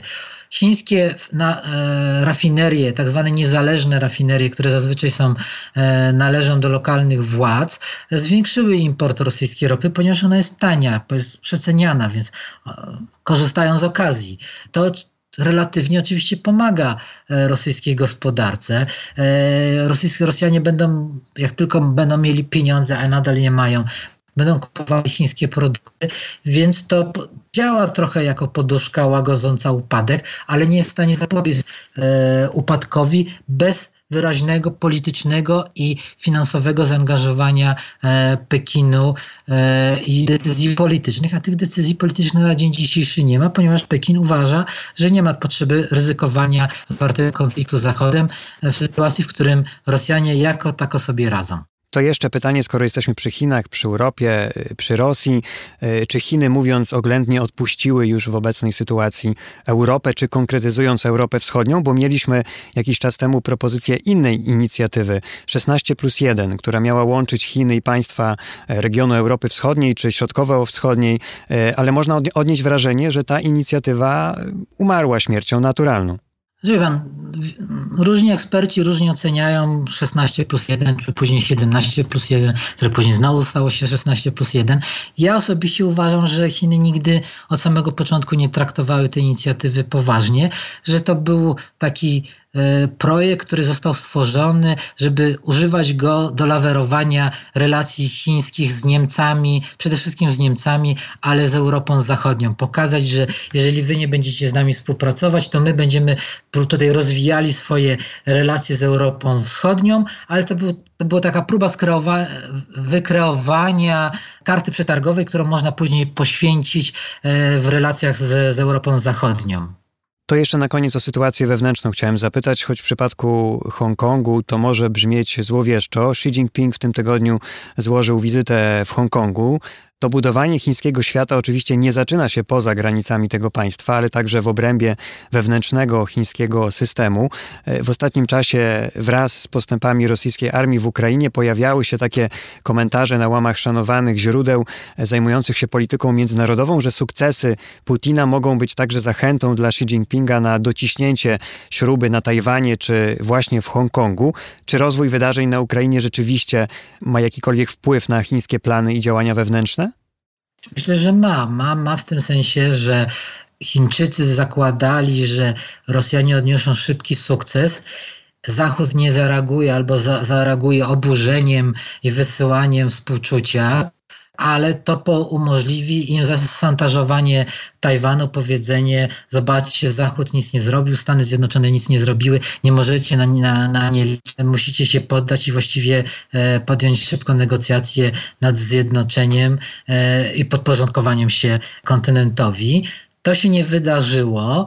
Opór, który stawia ukraińska armia, e, stawia pod znakiem zapytania możliwości chińskiej armii ludowej, e, armii ludowo-wyzwoleńczej zajęcia Tajwanu, e, ale Pekin się przygląda, wyciąga wnioski, wyciąga wnioski zarówno militarne, jak i polityczne. Wydaje się, że zakład, że uznał, że ostre zagranie, pójście na maksa i pokazanie z determinacji, jak i zagrożenie czy sugerowanie użycia broni jądrowej może spowodować, że państwa zachodnie się nie angażują e, i właściwie angażują się, ale nie w takim stopniu, w jakim mogłyby się zaangażować i w jakim stopniu byłoby to konieczne. I może próbować wykorzystać to doświadczenie e, naprzeciwko Tajwanu. Może, ale tu są jakby dwie opinie. Jedna by powiedziała, e, że może to wykorzystać i właściwie Xi Jinping ma taki charakter polityczny, który predysponuje go do podjęcia takiej ryzykownej gry, a z drugiej strony e, można powiedzieć, że właściwie podtrzymywanie pewnego napięcia w ciśnienie tajwańskiej Pekinowi wystarczy, ponieważ blokuje to, powstrzymuje to rozwój niepod ruchu niepodległościowego na Tajwanie, właściwie pozwala utrzymać status quo, który jest na dzień dzisiejszy jeszcze wygodny dla Pekinu. A co jeśli chodzi o Hongkong? Bo chiński przywódca powiedział podczas wizyty w Hongkongu, że polityka jeden kraj, dwa systemy ma się bardzo dobrze i funkcjonuje bez zarzutu. Dwa systemy, czyli połączenie socjalizmu z kapitalizmem. Ma rację Xi Jinping? Ma rację w tym sensie, że, w ciągu ostatnich dwóch, trzech lat de facto zlikwidowano autonomię Hongkongu. Pozostała Czyli bardzo dobrze w ujęciu chińskim to funkcjonuje. No bardzo dobrze w ujęciu chińskim, z punktu widzenia Pekinu. Tak naprawdę nie ma już Hongkongu. Została pewna wydmuszka, pewne e, formy polityczne, odrębny system finansowy, który jest wykorzystywany przez Pekin dla własnych celów, dla pozyskiwania kapitału dla, e, dla, dla chińskich przedsiębiorstw, paszporty, osobne paszporty, przejście graniczne, osobna waluta, takie symbole, które stwarzają pozory e, istnienia Hongkongu, jaki, jaki kiedyś był, ale Hongkongu, który ja znałem, Hongkongu, który e, jeszcze istniał parę lat temu, już nie ma, on jest martwy, a to co jest, to jest tylko zombie podtrzymywane przez Pekin e, z powodów politycznych. Czy w Hongkongu byłyby dziś możliwe protesty, takie jak obserwowaliśmy 2-3 lata temu jeszcze? Nie. To wydaje się chyba najlepsze podsumowanie tej chińskiej polityki na przestrzeni ostatnich e, kilku lat, prawda? Tak, no, no jak ja powiedziałem wcześniej, no jest może brutalnym, komuś się nie spodoba, ale Hongkongu już nie ma. To, co zostało, to jest, to jest pewne dekoracje, które są wykorzystywane przez Pekin dla celów politycznych, jak i gospodarczych, ale Hongkong jako niezależny byt, jako miejsce, w którym istniała alternatywa na ścieżka rozwoju dla chińskiego społeczeństwa, dla chińskiej kultury, y, tego już nie ma. To zostało zdławione, zduszone. Wszyscy, którzy myślą i, i mogą wyjeździć, opuszczają Hongkong, a Chiny powoli będą dążyć do zastąpienia populacji e, imigrantami z kontynentu. To zostało powstrzymane w ostatnich latach tylko i wyłącznie z powodu na COVID, ale jeżeli uda im się opanować sytuację covidową, to ten proces ruszy na nowo z wzmożonej skali. Do tematu Hongkongu z pewnością jeszcze w raporcie o stanie świata wrócimy, a tymczasem moim gościem był Michał Bogusz z Ośrodka Studiów Wschodnich. Bardzo panu dziękuję. Dziękuję za zaproszenie.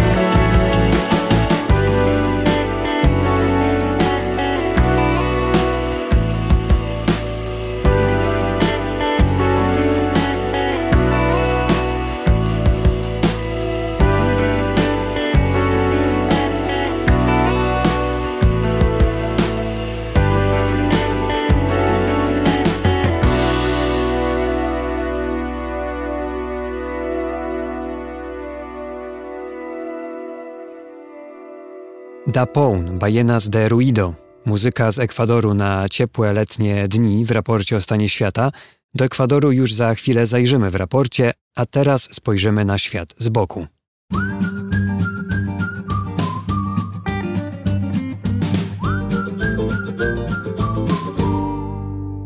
Grzegorz Dobiecki, na co dzień prowadzący program Dzień na świecie w telewizji Polsat News, przygląda się dla nas różnym rzeczom, których nie widzimy, albo nie chcemy ich widzieć, albo nie potrafimy o nich opowiedzieć. Dziś o krętych drogach do władzy, tych banalnych i tych mniej banalnych. Która z nich najlepsza i do czego mogą prowadzić?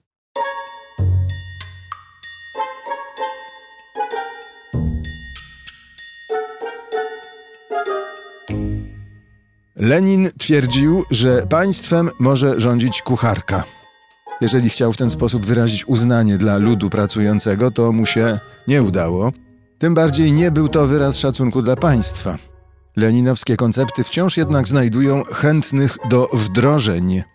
We Francji elektorat radykalnej lewicy wybrał do parlamentu panią Rachel Keke, która pochodzi z Senegalu i sprząta w hotelu. Ciężka i źle płatna praca fizyczna jej nie degraduje ani nie uwłacza godności. Niemniej w Republice Równości pani Keke sprząta w hotelu właśnie dlatego, że pochodzi z Senegalu.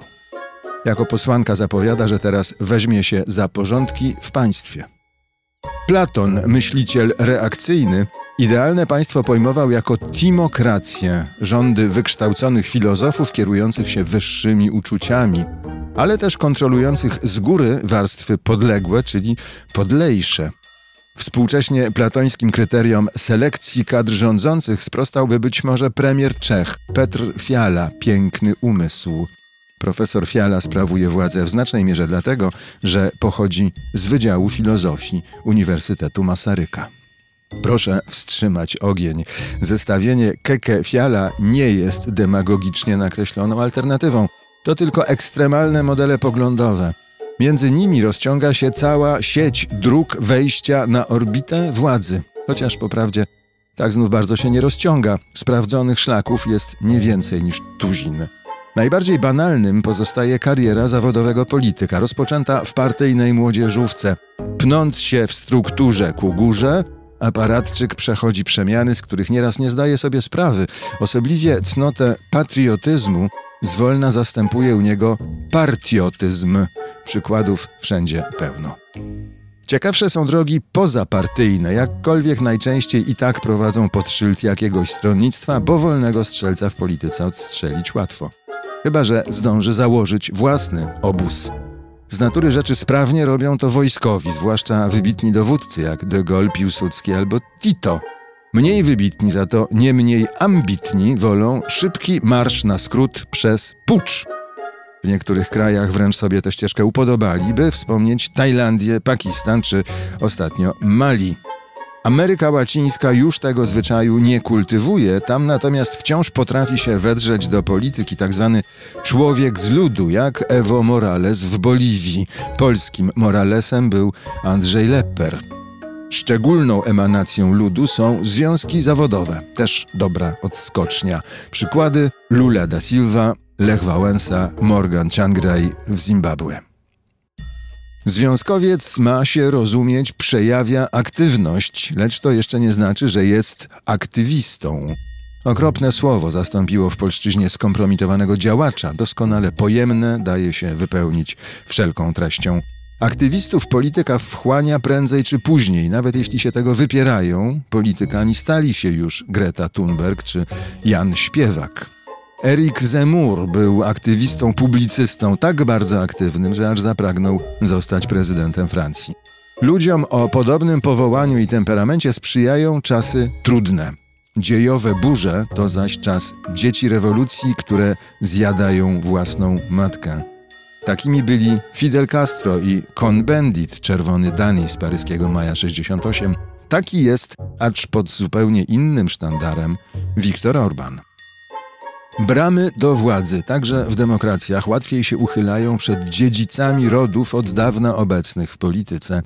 Mechanizm dynastyczny niósł Kennedych w Ameryce, kolejnych Mitsotakisów i Papandreou w Grecji, w Peru Keiko Fujimori, w Kenii Kenyatta Juniora, Na Filipinach prezydent znowu nazywa się Marcos. Z kolei celebrytów show biznesu i sportu wynosi na polityczne wyżyny przekonanie, dzielone zresztą przez nich samych, że sukcesy z tamtych dyscyplin powtórzą i w tej nowej. Raz się to sprawdza, raz nie. Reagan i Zełeński stanęli i to jak na wysokości zadania? Włoski komik Beppe Grillo okazał się nieporozumieniem. Mieliśmy Paderewskiego, mamy Kukiza. Trump, przypadek osobny, to jednak raczej biznes niż show, a ze sfery pieniądza pochodzi cała sfora polityków. Na byłych bankierów nastała wręcz moda. Prezydent Francji, premier Włoch, szef rządu RP. Co ciekawe, oni uporczywie przypisują sobie misję Robin Hooda, chociaż nie mogą nie wiedzieć, że lud widzi w nich ciągle banksterów.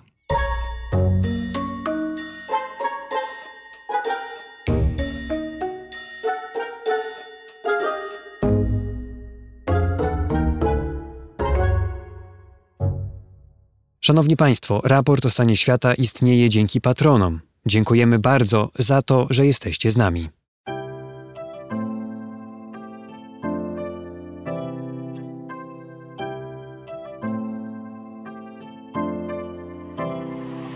Raport o stanie świata od marca 2020 roku rozwija się dzięki Państwa zaangażowaniu i szczodrości.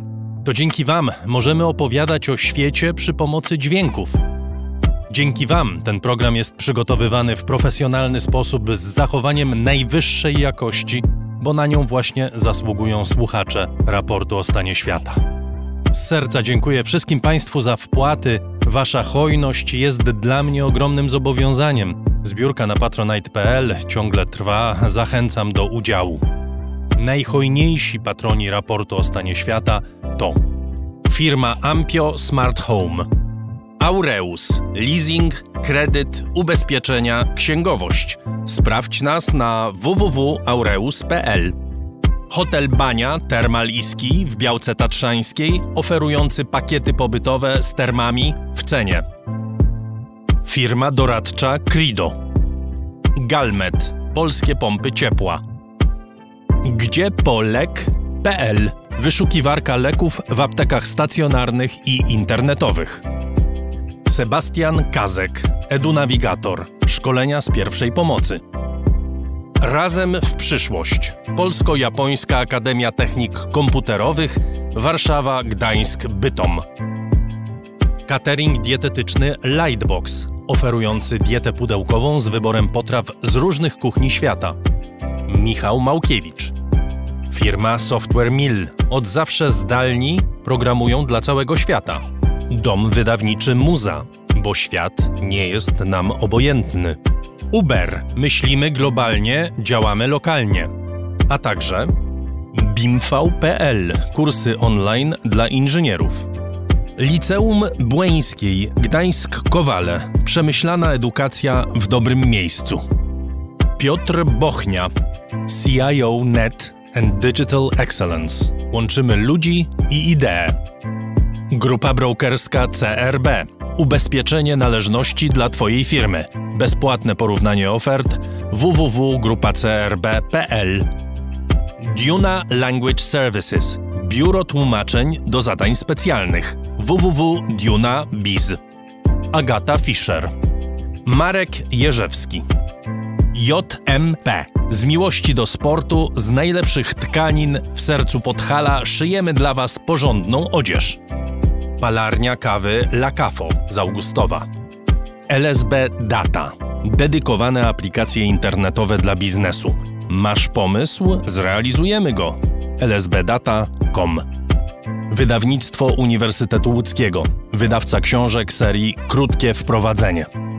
Aplikacja Moja Gazetka. Polska proekologiczna aplikacja zakupowa z gazetkami promocyjnymi i nie tylko. Moja Gazetka. Kupuj mądrze. Oil Medica. Kosmetyki pod Twoją marką. Firma Prosper z Sosnowca. Hurtownia elektroenergetyczna i właściciel marki Czystuś. Drukarnia cyfrowa totem.com.pl. Dla nas książka zasługuje na najwyższą jakość. Fundacja Wasowskich, opiekująca się spuścizną Jerzego Wasowskiego i wydawca książek Grzegorza Wasowskiego. Szczegóły na wasowscy.com. Wayman oprogramowanie wspomagające firmy inżynieryjne w zarządzaniu projektami, stworzone przez polskich inżynierów dla sektora projektowego. www.wayman Software. Dziękuję bardzo. To dzięki Państwu mamy raport o stanie świata.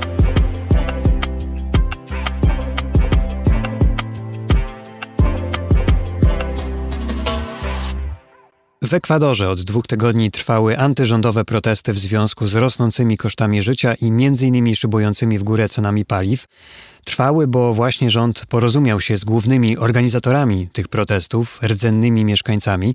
Wcześniej dochodziło do podpaleń i blokad dróg. Trudna, niepokojąca sytuacja była w stolicy kraju Quito, a w wyniku protestów zginęło 8 osób. Wyższe ceny to jednak nie jedyne powody, dla których wielu Ekwadorczyków wyszło na ulicę.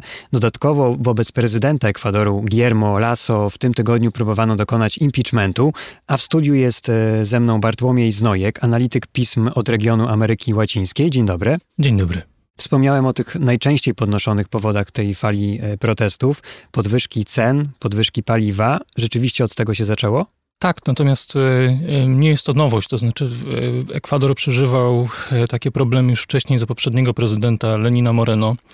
W październiku 2019 roku właśnie decyzja rządu o tym, żeby wycofać dopłaty do paliw, była takim zarzewiem konfliktu, gdzie też ci, ci przedstawiciele ruchów ludów rdzennych byli głównymi protestującymi.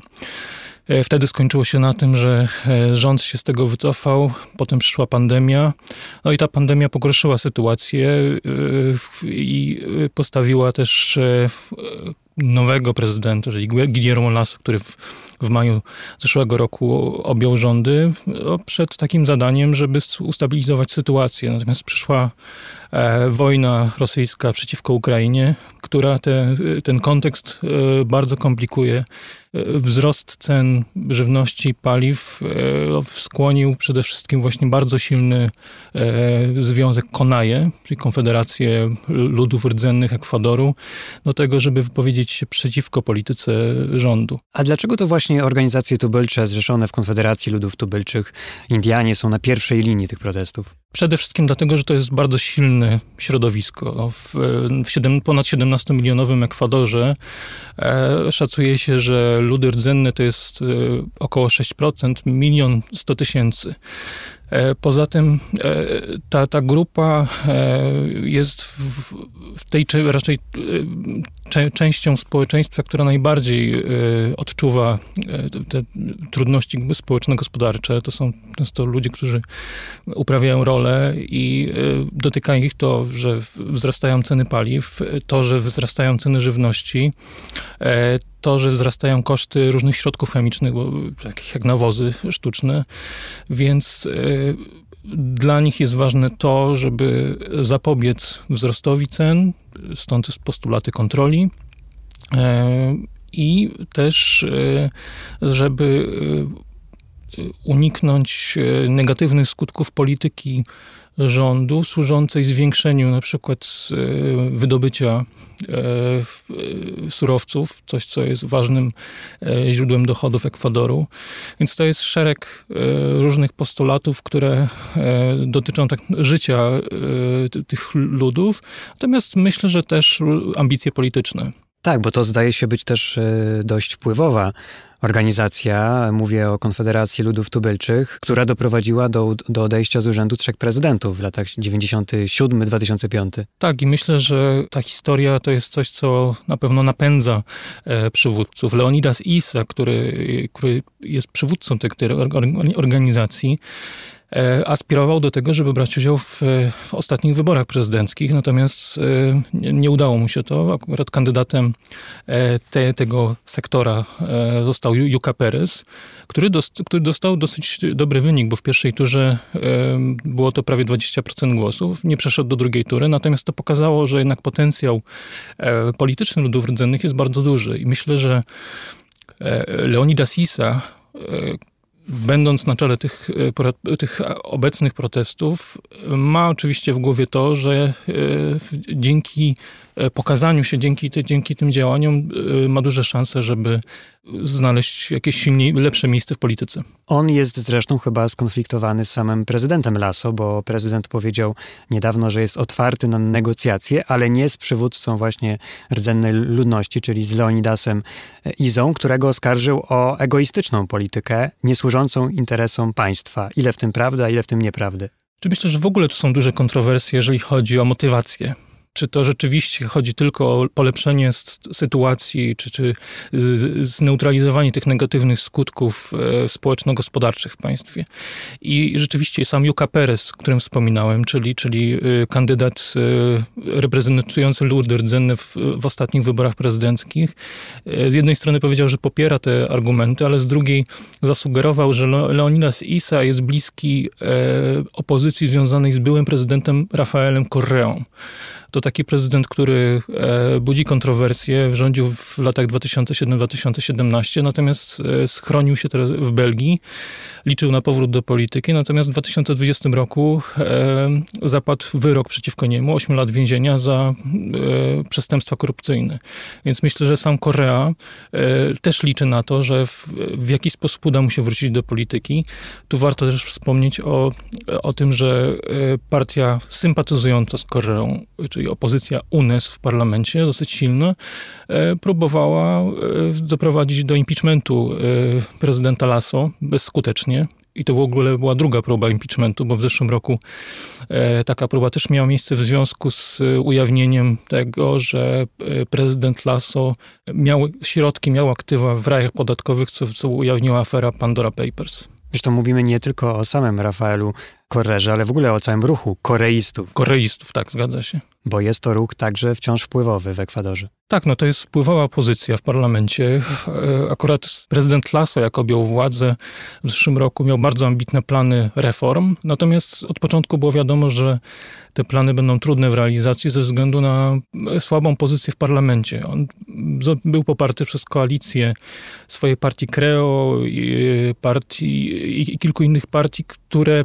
z którymi się skonfliktował. I w tym momencie tak naprawdę on ma bardzo słabą pozycję, żeby e, forsować swoje e, projekty. I myślę, że UNES, czyli ta największa, najsilniejsza opozycja koreistyczna, e, widziała szansę na to, żeby wykorzystać ten, ten moment słabości i doprowadzić do, do zmiany na stanowisku prezydenta. Zresztą w, w prawie ekwadorskim istnieje taki przepis nazywany Muerte Cruzada, który polega na tym, że prezydent ma prawo zdecydować o odwołaniu parlamentu i, i siebie, żeby przeprowadzić przyspieszone wybory.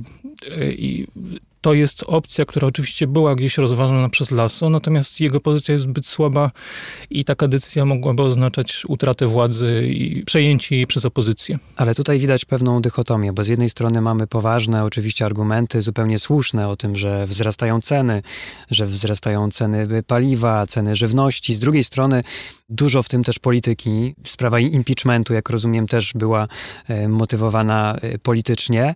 Wobec kogo e, są główne zarzuty? Właśnie wobec prezydenta, wobec którego e, dokonuje się impeachmentu, czy wobec w ogóle klasy politycznej? To jest bardziej reakcja na e, pogarszającą się sytuację. To jest te te skutki dla gospodarki, dla społeczeństwa są na tyle dotkliwe, że to jest przede wszystkim główna motywacja, żeby kontrolować ceny, żeby to nie pogarszało sytuacji y, różnych sektorów, między innymi rolników. Y, więc ja bym patrzył na to jako, jako najważniejszą, najważniejszą sferę. Ale oczywiście y, cały ten kontekst protestów pozwala na realizację innych celów, o których już rozmawialiśmy, czyli cele polityczne, kwestie czy przejęcia władzy, czy osłabienia prezydenta. Tutaj jest szansa dla, dla tych różnych grup. Prezydent obiecał obniżenie cen paliw, mamy porozumienie z rdzenną ludnością, to uspokoi ten ruch protestów, wyciszy tę sytuację? To wyciszy tę sytuację, natomiast już wiadomo, że e, Leonidas Isa zapowiedział, że wydają 90 dni na realizację tych zobowiązań. Ma zostać utworzona takie, taka mesa de dialogu, taki stół dialogu, dialogu który ma e, służyć e, weryfikacji wprowadzenia tych zobowiązań. Natomiast już, już padają takie wnioski, że to będzie bardzo duży koszt, bardzo duże obciążenie dla państwa, bo w jakiś sposób będzie to, trzeba to sfinansować, e, czy obniżkę cen paliw, czy subsydia e, do paliw, e, czy różne środki, które mają poprawić sytuację tej, tej, tej grupy. I to jest właściwie coś, co nie wyróżnia za bardzo Ekwadoru od innych państw regionu, które zmagają się z podobnymi problemami. Ekwador w każdym razie to jest kraj w dużej mierze polegający na ropie. To jest też kryzys, który e, ma spore konsekwencje ekonomiczne, bo w ostatnim czasie wydobycie ropy spadło o połowę, były opóźnienia w dostawach. I tutaj też rodzi się pytanie, jak to się dzieje, że wystarczą protesty, kompletnie ich nie wartościując, e, żeby zdestabilizować kraj na tak dużym poziomie. To chyba tylko świadczy o jego dysfunkcjonalności. Tak, to takie, takie są wnioski różnych obserwatorów, że jednak e, fakt, że prezydent zdecydował się na takie ustępstwa, świadczy o słabości instytucji, instytucji, słabości jego pozycji, którą on próbuje w ten sposób odzyskać, ale bardzo dużym kosztem, więc y, trudno powiedzieć tutaj jakiejś łatwej drodze do rozwiązania tych głównych przyczyn sporów. E, raczej mówiłbym o, może o wydłużeniu czy uspokojeniu sytuacji e, i potencjale do powrotu tych napięć, które, których byliśmy świadkami w ostatnich tygodniach. Na ile wpływ na tę sytuację ma, czy miała pandemia COVID? Bo pamiętamy dramatyczne wieści z Ekwadoru, który bardzo ciężko przeszedł koronawirusa. Dochodziły informacje o niewydolnej służbie zdrowia, o brakujących trumnach, o ciałach leżących na, na ulicach. Czy to też są echa pandemii, która wciąż przecież odbija się na sytuacji ekonomicznej i politycznej wielu państw? Tak, oczywiście. To efekty, skutki pandemii e, są odczuwalne cały czas w regionie państwa latynoamerykańskie, nie tylko Ekwador, mają duże wyzwanie, jeżeli chodzi o przezwyciężenie tych skutków. E, rosyjska wojna przeciwko Ukrainie, znaczy jej międzynarodowe skutki e, bardzo komplikują te wysiłki, więc w sytuacji, kiedy ten kontekst międzynarodowy jest tak nieprzychylny, to można mówić o takim wydłużeniu trudnych e, uwarunkowań dla e, jakiejś stabilizacji. Chociaż i tak Ekwador wyróżniał się w miarę pozytywnie na tle regionu, jeżeli chodzi o wskaźniki gospodarcze. Natomiast tak jak e, większość państw regionu, bardzo odczuł, odczuł e, pandemię, jeżeli chodzi o sytuację najuboższych, to, to grono się powiększyło. Jest bardzo duży problem, jeżeli chodzi o wzrost tej grupy, która jest zagrożona głodem. Więc to są poważne problemy, które będą wymagały na pewno aktywnego wsparcia rządów, rządu co e, będzie e, obciążało finanse publiczne i będzie utrudniało też jakieś e, szybsze ożywienie gospodarcze. Jednocześnie kraje Ameryki Łacińskiej, przynajmniej część tych krajów, e, ochładzają swoje stosunki ze Stanami Zjednoczonymi. Ameryka Łacińska była do niedawna jeszcze traktowana przez wielu jako takie zaplecze USA, ale niedawny szczyt Ameryk czy udział Brazylii w grupie BRICS e, pokazuje, że no wiele krajów kontynentu raczej spogląda nie w stronę Zachodu, a reszty świata i Chin. Czy rzeczywiście Stany Zjednoczone tracą w pewnym sensie Amerykę Łacińską? To może nie jest tak do końca proste. Trzeba z jednej strony popatrzeć na to, że tak od około dwóch dekad e, nasila się proces marginalizacji Ameryki Łacińskiej w polityce Stanów Zjednoczonych. To znaczy ważniejsze są inne regiony, to taką cezurą myślę, że jest, myślę, jest rok 2001 i e, atak terrorystyczny w, w Nowym Jorku i przesunięcie uwagi Stanów Zjednoczonych na inne regiony. I to przekonanie w regionie też rosło, że Stany Zjednoczone coraz mniej się interesują współpracą e, z państwami latynoamerykańskimi. E, to przekonanie nasiliło się też, e, zwłaszcza za prezydentury Donalda Trumpa, no bo poziom zaufania do Stanów Zjednoczonych spadł ze względu na, na konfrontacyjne podejście poprzedniego prezydenta. E, więc e, z jednej strony to, chodzi o wątpliwości, czy w ogóle Ameryka Łacińska budzi zainteresowanie e, w Waszyngtonie. Natomiast też trzeba zwrócić uwagę na różne zjawiska, które sprzyjały może zmniejszaniu uwagi, czy, czy w, zwiększeniu zdolności tych rządów do kwestionowania e, ambicji Stanów Zjednoczonych, żeby tutaj, żeby mieć w regionie silne wpływy. Przede wszystkim chodzi o ekspansję Chin. Chiny stały się partnerem dla, no, kluczowym partnerem dla większości państw regionu. Jeżeli popatrzymy na e, dane handlowe na całej Ameryki Łacińskiej, to Stany Zjednoczone są cały czas głównym partnerem te, tego obszaru. Jeżeli e, pominiemy Meksyk i państwa Ameryki Środkowej, to okaże się, że Chiny są na pierwszym miejscu i to państwo, które jest pierwszym partnerem handlowym Brazylii, Argentyny, Chile, więc widać tutaj te efekty. Chiny też stały się ważnym pożyczkodawcą, przede wszystkim do Wenezueli, ale też tutaj jest Brazylia, Ekwador jest na trzecim miejscu, e, więc e, Chiny stały się państwem, które jest kluczowe dla rozwoju regionu. Dzięki w ogóle zaangażowaniu Chin efekty e, kryzysu finansowego 2008 roku były mniejsze niż w innych częściach świata. Więc ta ekspansja Chin to jest na pewno jedno z uwarunkowań, które utrudnia Stanom Zjednoczonym wzmacnianie wpływów w regionie. A to ma też swoje przełożenie polityczne, bo rozmawialiśmy o Chinach wcześniej w kontekście BRICS, czy budowania tego antyzachodniego sojuszu. Ciekawe jest, że do sankcji przeciwko Rosji nie przyłączył się żaden kraj z Ameryki Łacińskiej. To jest symptomatyczne? Jeżeli chodzi o decyzję dotyczącą sankcji wobec Rosji, to nie, do końca wiązałbym to z polityką, z zaangażowaniem Chin. Same Chiny w swoich deklaracjach mówią, że dla ich celem jest tak naprawdę współpraca na rzecz rozwoju, to są cele gospodarcze i rzeczywiście to jest kwestia zaspokajania zapotrzebowania na żywność, na soję na przykład. Natomiast oczywiście z tym zaangażowaniem chińskim wiąże się realizacja różnych celów politycznych. E, te cele to przede wszystkim też zacieśnianie współpracy, instytucjonalizacja współpracy z państwami regionu, bo Chiny tutaj nie stawiają warunków, czy współpracują z państwami demokratycznymi, czy nie.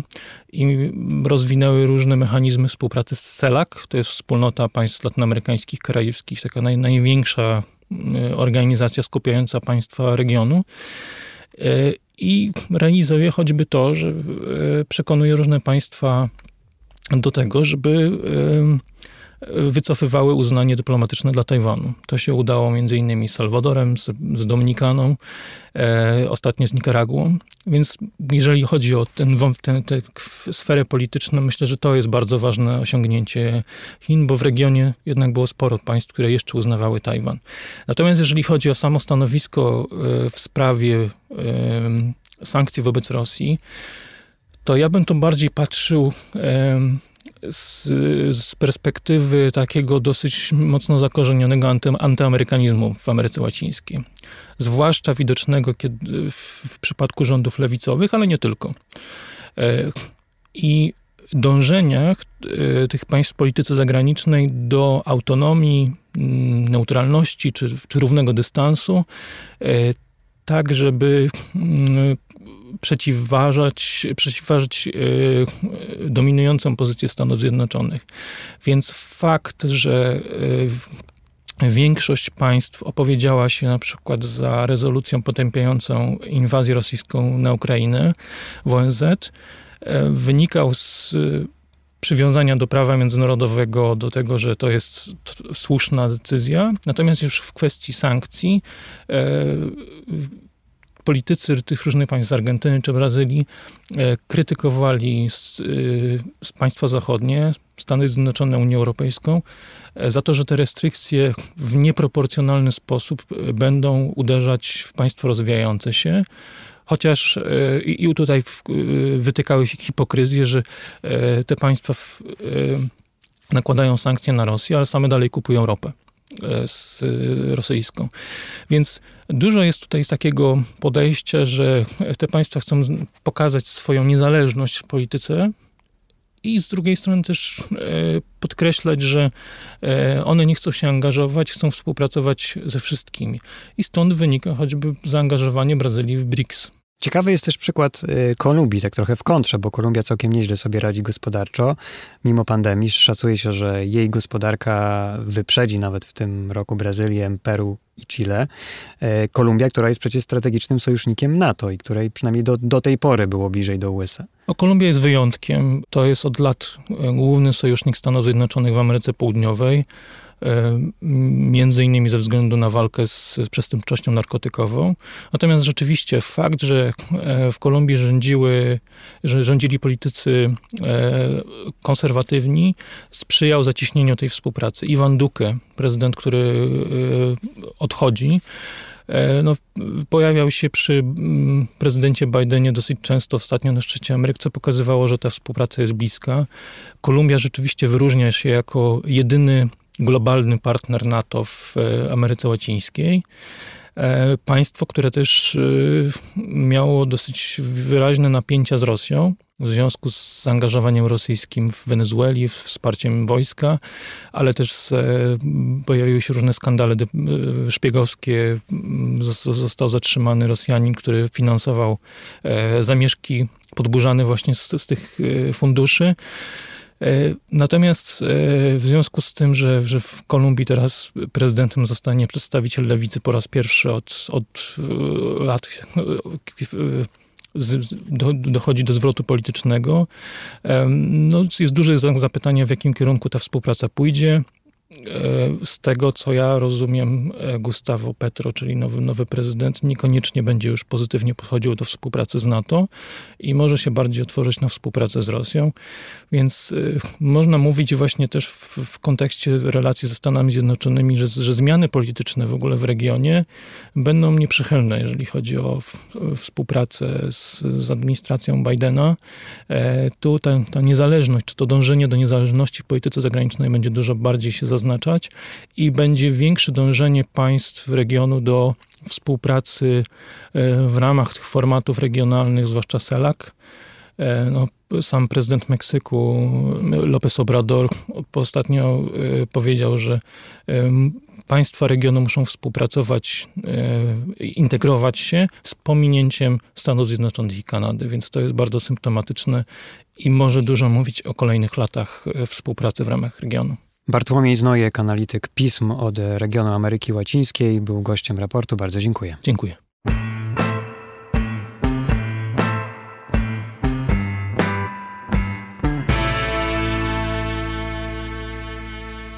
Na koniec raportu zajrzymy do świata sportu, choć nie tylko sportu, bo sprawa, o której porozmawiamy, przekracza granice nie tylko w dziedzinie sportu.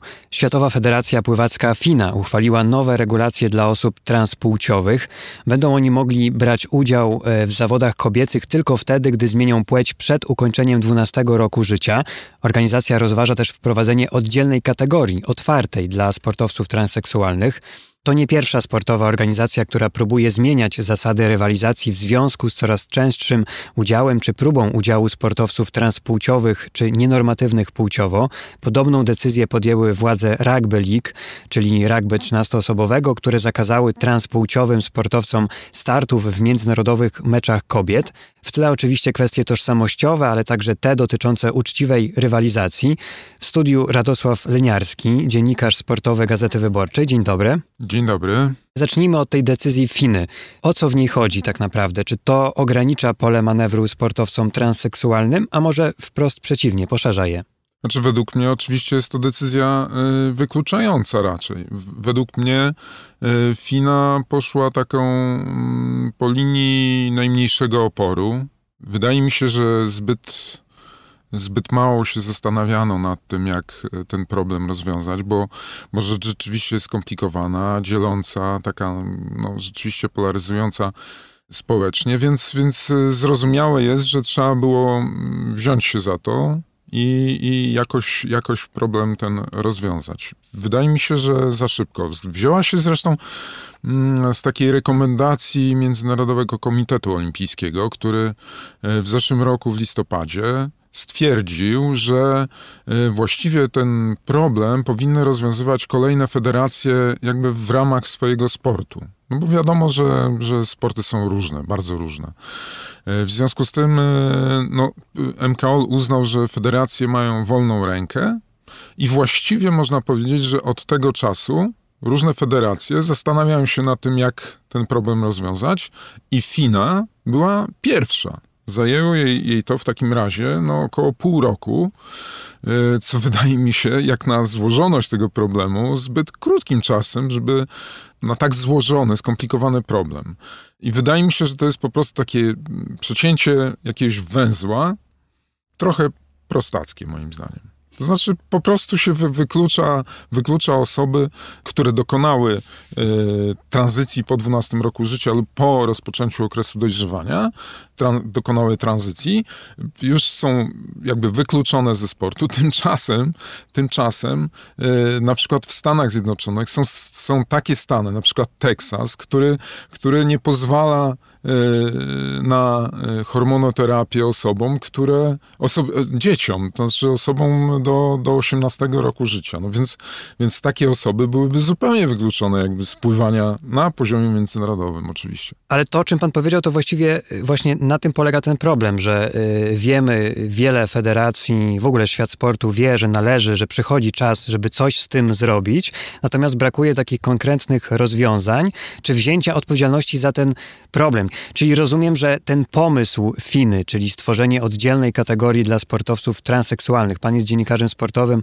zna pan środowisko sportowe od długiego czasu, ten pomysł do pana nie przemawia. No nie przemawia, bo tak jak mówię, no trochę wydaje mi, się, wydaje mi się, że to po prostu zbyt mało czasu na rzetelny, rzetelny namysł. Yy, dlatego, że yy, tak, po pierwsze, trzeba, trzeba wziąć pod uwagę, że, że tak naprawdę to nie ma w tej chwili żadnej transpłciowej pływaczki na międzynarodowym poziomie. Przypadek taki bardzo znany i, i nagłaśniany Lee Thomas, która e, wygrała e, mistrzostwa akademickie w Stanach Zjednoczonych na, na jednym, w jednej konkurencji, no to, mm, no to, jest, to jest sport akademicki. Zresztą, zresztą właśnie Lia Thomas y, w pewnych okolicznościach nie mogłaby w ogóle wziąć udziału w tych zawodach. W pewnych stanach 18 stanów wprowadziło już e, takie ograniczenia dla osób e, transpłciowych. E, ona nie mogłaby w niektórych stanach już w tej chwili wystartować nawet, bo, bo po prostu wprowadzono takie obostrzenia, no, które zupełnie są jakby no, absolutnie wykluczające, bo wykluczające młode osoby po tranzycji w ogóle ze sportu kobiecego. Mm, to jest 18 stanów rządzonych przez republikanów wyłącznie. To znaczy tam, gdzie republikanie mają mają większość w legislaturach. E, no więc e, nie dotyczy rzecz sportu na najwyższym poziomie, bo nie ma transpłciowych pływaczek w tej chwili w sportach, e, w, w, w pływaniu. Natomiast rzeczywiście problem jakby ogólnie można powiedzieć, że istnieje, dlatego że mimo hormonoterapii, no to rzeczywiście wiele cech fizycznych, takich męskich, pozostaje w osobie, która dokonała tranzycji. No, nie wiem, no tak, takie, takie cechy, które są mm, trudno odwracalne. No, szerokość na przykład barków albo kolce biodrowe i, i, i barkowe, ten współczynnik, no to on pozostaje mniej więcej ten sam. E, gęstość kości, gęstość mięśni, e, wielkość płuc, efektywność e, serca. No to te rzeczy są, utrzymują się bardzo, bardzo długo mimo, mimo tranzycji. Dlatego zresztą niektóre, niektóre federacje z, z, wydłużyły ten, ten, ten okres właśnie hormonoterapii czyli obniżenia poziomu testosteronu, po to, aby zmniejszyć wagę tych cech męskich e, u, u transpłciowej pływaczki. No tak, tu oczywiście zdajemy sobie sprawę, że to jest sprawa, którą warto by rozważyć także pod kątem naukowym i że właśnie e, i właśnie ewentualnej przewagi sportowców transpłciowych nad innymi, ale to nie do nas e, należy osądzanie tego. Natomiast z pewnością mamy do czynienia z coraz większą otwartością czy próbami rozwiązania tej sprawy i możemy przyjąć, jak rozumiem, że w świecie sportu takich prób będzie więcej. Będzie więcej, dlatego że wydaje mi się, że w ślad za FINA pójdą inne duże federacje. Już Federacja Lekkoatletyczna zaznaczyła, że, że będzie się przyglądać swoim regulacją w tej sprawie. Do tej pory to było e, tak, że taka osoba po tranzycji musiała przez 12 miesięcy utrzymać poziom testosteronu na odpowiedniej e, wysokości. W tej chwili to jest 5 milimoli na, na litr krwi. Wcześniej to było 10, ale, ale no po, po po, po, po namyśle, po analizie zmniejszono ten, ten poziom do pięciu i ograniczono pewne konkurencje. Znaczy w pewnych konkurencjach osoby nie mogły startować te osoby po tranzycji, które, które miałyby wyższy ten współczynnik, a, nie, a, a inne mogły, prawda? Czyli, czyli ograniczona była na przykład konkurencja, nie wiem, od 400 do, do 1 mili, no to osoby, które miały powyżej 5 milimoli na, na, na litr krwi, nie mogły w tych konkurencjach startować. Musiały zmniejszyć ten poziom za pomocą hormon, hormonoterapii. Nie wszystkie osoby się na to z, zgadzały, nie wszystkie s, s, sportsmenki i co prawda to nie dotyczy y, transpłciowych y, zawodniczek, tylko takich, które mają zaburzenia rozwoju płciowego, no ale to podobna rzecz jakby w sensie przepisów. No i niektóre osoby się na to nie zgodziły i musiały się przenieść do innych y, konkurencji, no oczywiście z dużo mniejszymi szansami na sukces, na, na dobrą.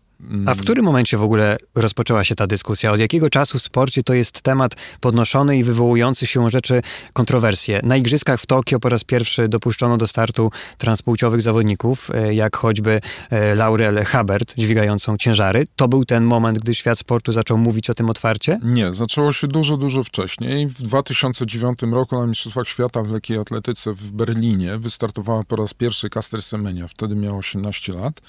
No i wtedy zaczęła zaczęła się dyskusja na ten temat, bo obserwatorzy, głównie chodzi o trenerów, działaczy sportowych, zauważyli, że Caster Semenya odbiega od stereotypu kobiety. Y, w sporcie i, i, i, właściwie od jej przypadku zaczęła się dyskusja na temat, y, na temat właśnie tożsamości, płci, nieuprawnionej przewagi osób, no, które mają pewne y, zaburzenia, jeśli chodzi o poziom testosteronu czy cechy, cechy męskie w organizmie. I, i, i takich osób było całkiem sporo. Kilka zostało właśnie zmuszonych jakby do, do już po długi, długim czasie Y, na igrzyskach w Tokio. Kilka osób zostało właśnie zmuszonych do zmiany zmiany konkurencji, po to właśnie, żeby no, mm, nie miały tej nieuprawnionej przewagi, bo uznano, naukowcy, świat lekkoatletyki uznał, że e, niektóre konkurencje lekkoatletyczne no, są jakby bardziej wrażliwe na ten poziom testosteronu. To znaczy, że, że poziom testosteronu w niektórych konkurencjach daje im, daje, daje sportsmenkom nie, nieuprawnioną przewagę, zbyt dużą przewagę, zaburza równość y, rywalizacji i, i, i, i te y, chronione konkurencje były to konkurencje biegowe od 400, do jednej, od 400 metrów do jednej mili. No, tylko, że e, również w tej samej analizie, która, e, która spowodowała właśnie tę, tą zmianę i te wprowadzenie tych konkurencji e, takich chronionych, były również konkurencje rzutowe, między innymi rzut młotem kobiet. Dla nas bardzo istotna rzecz, no bo wiadomo, Anita Wodarczyk, ale nie tylko, no w każdym razie rzutowe, rzutowe konkurencje. I te rzutowe konkurencje jakby wykluczono z tej grupy chronionych, nie wiadomo dlaczego, bo każdy e, gołym okiem widzi, że tam cechy męskie w takiej e, konkurencji jak rzut młotem, poziom testosteronu, to jest ewidentnie przewaga. Ktoś, kto ma więcej, większy poziom, jest, ma dużo większe szanse na, na, na osiągnięcie lepszego wyniku niż. No i w, w każdym razie je wykluczono. Te konkurencje wykluczono z tej grupy chronionej, co jakby zasugerowało całemu jakby kibicom i, i tym, którzy się na tym znają, e, zasugerowało, że przepis wprowadzono tylko jakby, żeby wykluczyć przypadki Caster Semeni i tam kilku innych biegaczek e, z Afryki, no, co uznano za rodzaj dyskryminacji. Z tego, o czym rozmawiamy, wynika, że zmierzamy w takim kierunku e, kompletnego rozproszenia decyzyjnego, już nie tylko podzielonego nawet na krajowe federacje, ale nawet na poszczególne konkurencje w określonym środowisku sportowym czy zawodach sportowych. No to siłą rzeczy nie będzie służyć jakiemuś kompleksowemu podejściu czy ro rozwiązaniu tego tematu. No właśnie, bo tak jak mówiłem, do listopada 2021 roku MKOL prowadził taką politykę, że właśnie ustandaryzowania przepisów, tak, żeby, żeby no we wszystkich sportach było mniej więcej to samo. I to chodziło o to, że, że, że poziom tego testosteronu, tego, tego magicznego hormonu w sporcie, żeby był na określonym poziomie przez, przez, przez pewien okres czasu. To się zmieniało zresztą, bo z czasem, bo, bo, no bo naukowcy stwierdzali, że jednak ten poziom powinien być trochę niższy i tak dalej. No w każdym razie, w każdym razie do listopada tak było. A w listopadzie y, MKOL doszedł do wniosku, że nie da się zrobić standardowego jakby przepisu takiej teorii wszystkiego, tylko trzeba dać wolną rękę federacjom, ale dać im takie, mm, że tak powiem, kilka punktów, które mm, które muszą być wspólne dla wszystkich sportów. Czyli chodzi o to, żeby, żeby nikogo, żadnego sportowca nie skrzywdzono, żeby, była, żeby utrzymać tą otwartość sportu, ale żeby też utrzymać na, na drugą nóżkę jakby, żeby utrzymać e, równość, e, równe pole rywalizacji, żeby nie było nieuprawnionej przewagi. To było, zdaje się, około 10, chyba 10 punktów takich, które wyznaczały federacjom kierunek, federacje muszą spełnić każdy z tych warunków, e, aby MKOL zgodził się na e, przepisy wprowadzone w tej konkretnej federacji. No i w związku z tym, na przykład właśnie FINA, y, aby dostosować się do, tego, do tych punktów, prowadziła tą otwartą kategorię, że planują, że, y, że, że będzie taka otwarta kategoria dla, dla, dla wszystkich, którzy będą ch chcieli tam wystartować, czyli y, kobiet i, i kobiet po tranzycji. Czyli z, z punktu widzenia FINY to była decyzja racjonalna, oparta na wcześniejszych jakichś przesłankach czy sugestiach? No, sugestiach z MKOL-u, ale, ale oni sami doszli do tego, żeby wykluczyć y, wszystkie osoby po tranzycji po y, 12 roku życia. To była ich decyzja oparta na jakichś analizach. Aczkolwiek tu trzeba zaznaczyć od razu, że praktycznie nie ma badań nad sportowcami po tranzycji. A w każdym razie ja znam jedną, takie, jedną taką, y, taką analizę z kliniki Mayo, zresztą skądinąd bardzo renomowanej, no, która przyznaje, że oczywiście są y, spore y, jakby osoby po tranzycji w tym kierunku, czyli kobiety po tranzycji mają przewagę nad kobietami cis w sensie fizycznym. Ale to, to jest właściwie jedyne badanie, które ja znam i właściwie wydaje mi się, że to jest zdecydowanie, zdecydowanie za mało, aby, y, aby podejmować tak drastyczne decyzje, jak wykluczenie, tak jak to zrobiła Fina. Bo tutaj oczywiście o czymkolwiek byśmy nie rozmawiali, to właściwie zmierzamy do tego samego problemu, czyli jak pogodzić wolność, tolerancję, XXI wiek ze zdrową, uczciwą rywalizacją, czyli do takiej świętości sportu, bo zdrowa, uczciwa rywalizacja od zawsze była właściwie świętością sportu, którą nie można zachwiać. Pytanie, czy jest odpowiedź? No właśnie, wydaje mi się, że będzie, będzie bardzo trudno znaleźć tą odpowiedź, ale e, kierunek poziomów testosteronu to jest, wydaje mi się, dobry kierunek. Kierunek wykluczenia e, całej grupy rosnącej, trzeba powiedzieć, grupy, no to jest zły kierunek. Według mnie badania z Uniwersytetu Kalifornijskiego wskazują, że podwoiła się liczba osób między 13 a 17 rokiem życia, po, e, które ak akceptują e, tranzycję albo e, są osobami transpłciowymi, więc to jest podwoiła się ta liczba osób, więc to jest tak, że będzie tych osób w sporcie również dużo więcej. A, jeszcze jedna ważna sprawa to jest taka, że mówimy o sporcie jakby kwalifikowanym tym na najwyższym poziomie. Moim zdaniem znacznie większy problem do rozwiązania jest jakby właśnie w sporcie takim powszechnym i mam nadzieję, że społeczeństwa obywatelskie nie pójdą w kierunku takim jak w Stanach Zjednoczonych, że, w, że wyklucza się osoby po tranzycji, czyli kobiety y, transpłciowe ze sportu, ze sportu uczelnianego, młodzieżowego. Po prostu one mogą wziąć udział oczywiście w, w, w sporcie, być człon, członkiniami, e, właściwie w tej, w tej sytuacji członkami drużyn, ale tylko e, zgodnie ze swoją płcią biologiczną. E, I tak jest w 18, w 18 stanach. W 18 stanach USA. Więc no jest to, przepraszam, ale jest to po prostu wykluczenie mnóstwa osób. Ale tutaj znowu wracamy do tej samej sprawy, czyli do jakby zrzucania odpowiedzialności na te niższe szczeble. Już nie mówimy o tym sporcie zawodowym, najbardziej profesjonalnym, ale od braku tej standaryzacji y, przepisów w nim obowiązujących. No tak, ale, ale tak jak mówię, no jeżeli, o ile jeszcze w sporcie, w sporcie tym na, na najwyższym poziomie, tym międzynarodowym, to ja rozumiem, że, że powinny być jakieś ograniczenia e, no ze względu właśnie na, na te przewagi, o których mówiliśmy, to w sporcie powszechnym to jest czyste wykluczenie. To znaczy, ja sobie nie wyobrażam dziewczyny y, transpłciowej, y, która y, jakby będzie uczestniczyła w drużynie męskiej na przykład. Z, z, z jakiego powodu? Y, jest, jest kobietą. Nie, nie, ja tego nie rozumiem. I, a, ale mimo wszystko zdobyło to, y, zdobyło to jakby przewagę w 18 stanach, w legislaturach 18 stanach. No ewidentnie jest to związane z, z jak, jakąś taką kontrakcją po, y, po takiej zapowiedzi administracji Bidena o wprowadzeniu y, takiego równościowego aktu i, i aktu, który by zabraniał takich dyskryminujących Mm, osoby LGBTQ e, z, e, ze sportu. Więc e, no ewidentnie widać, że, że takie wzmożenie w Stanach Zjednoczonych jest i mam nadzieję, że to się nie rozprzestrzeni na Europę. No bo, no bo to dotyczy sportu jakby takiego powszechnego, akademickiego, szkolnego, więc, więc to, to dotyczy olbrzymiej liczby ludzi.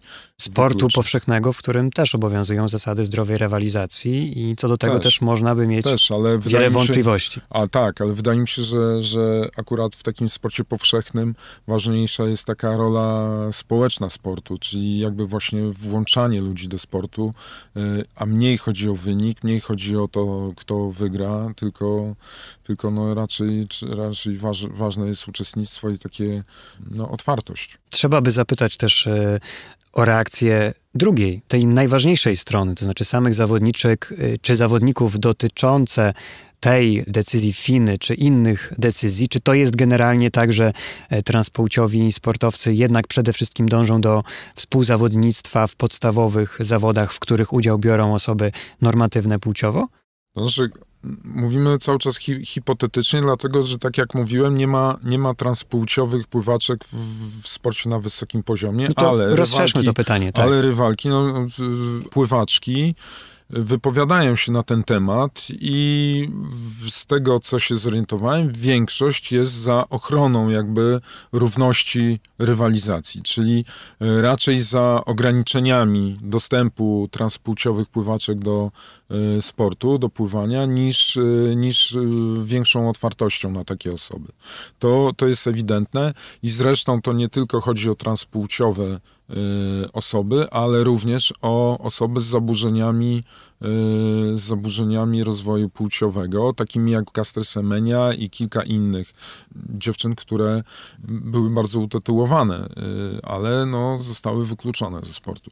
Nie trzeba być też wielkim myślicielem, żeby dojść do wniosku, że kwestia ustanawiania prawa w tym zakresie ma i będzie miała także kontekst polityczny. I taki ma, bo na przykład w Australii decyzja o dopuszczeniu do startu wspomnianej przeze mnie wcześniej Laurel Hubert, czy w ogóle kwestia udziału sportowców transpłciowych wywołała spore kontrowersje i podziały.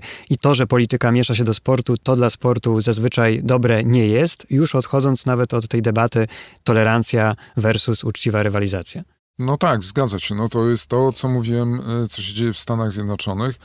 Podziały są ewidentne, bo mamy do czynienia z takim starciem konserwatywnym z, z progresywnością, z jednej strony, a z drugiej z faktami dotyczącymi możliwości fizycznych ludzi po tranzycji. Jest to fizjologia z jednej strony, a z drugiej jakby społeczna rola sportu. Trzeba jakoś znaleźć y, gdzieś tam właśnie y, złoty środek. Jak to znaleźć? Moim zdaniem to nigdy się nie skończy jakim, jakąś zgodą. Zawsze, będzie, zawsze będą poszkodowani, zawsze będą pokrzywdzeni. Tak jak było zresztą y, do tej pory. Pamiętam słowa Janny Jóźwik po tym, jak była w finale piąta, a przed nią były Caster Semenya, Margaret Van Buy, Francis Nionsoba, czyli osoby, które później zostały wykluczone właśnie z tych konkurencji ze względu na zaburzenia rozwoju płci. Jona Jóźwik w, w, w sytuacji, w, na przykład gdyby ten finał powtórzono dzisiaj, była, miałaby srebrny medal Ona wtedy jeszcze nie wiedziała o tym, że, że te osoby mają właśnie zaburzenia e, rozwoju płciowego, w związku z tym jakby mm, no mają ten testosteron na tak wysokim poziomie, że daje im to większą, e, większe możliwości w biegu na 800 metrów, ale gołym okiem widziała, że coś jest, że coś jest nie tak.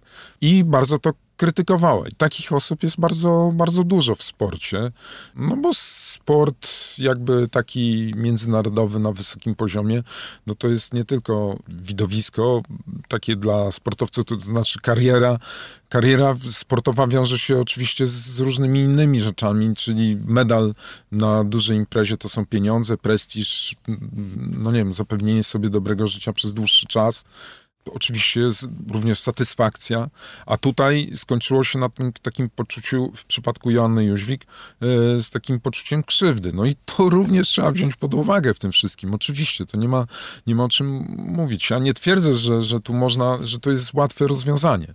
Obie strony tego, tego właściwie można powiedzieć konfliktu w sporcie mają swoje bardzo e, ważne i racjonalne argumenty. Bardzo dziękuję. Radosław Leniarski, dziennikarz sportowy Gazety Wyborczej, był ostatnim dziś gościem raportu o stanie świata. Dziękuję bardzo.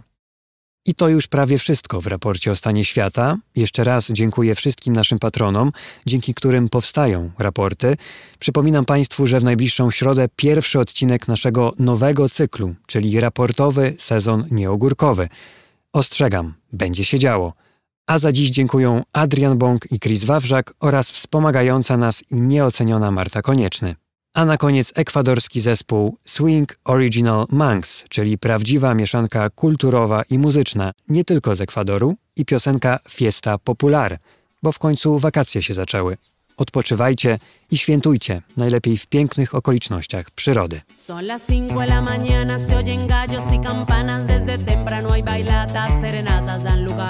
se revela la amargura, se prohíbe la mesura, se castiga si el espíritu no sale del hogar.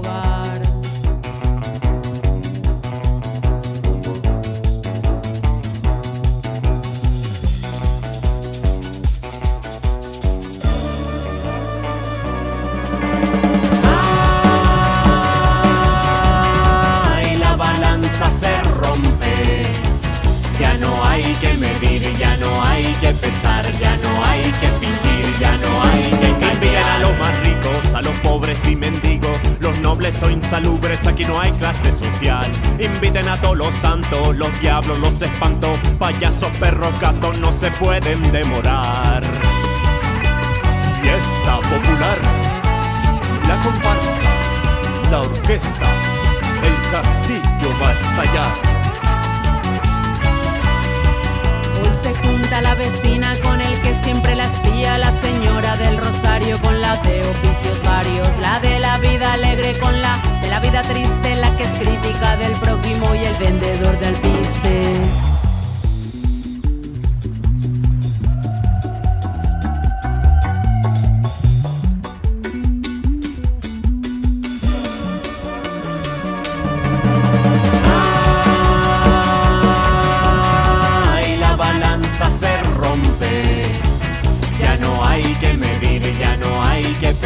Ya no hay que fingir, ya no hay que Agarren sus sombreros, paraguas y carteras, salgan como bomberos que el mundo se va a quemar. Ajusten el sonido, ilustren los oídos, mejor haber comido, ya la fiesta va a empezar. Ay, la balanza se rompe. Ya no hay que medir, ya no hay que pesar, ya no hay que fingir, ya no hay que callar.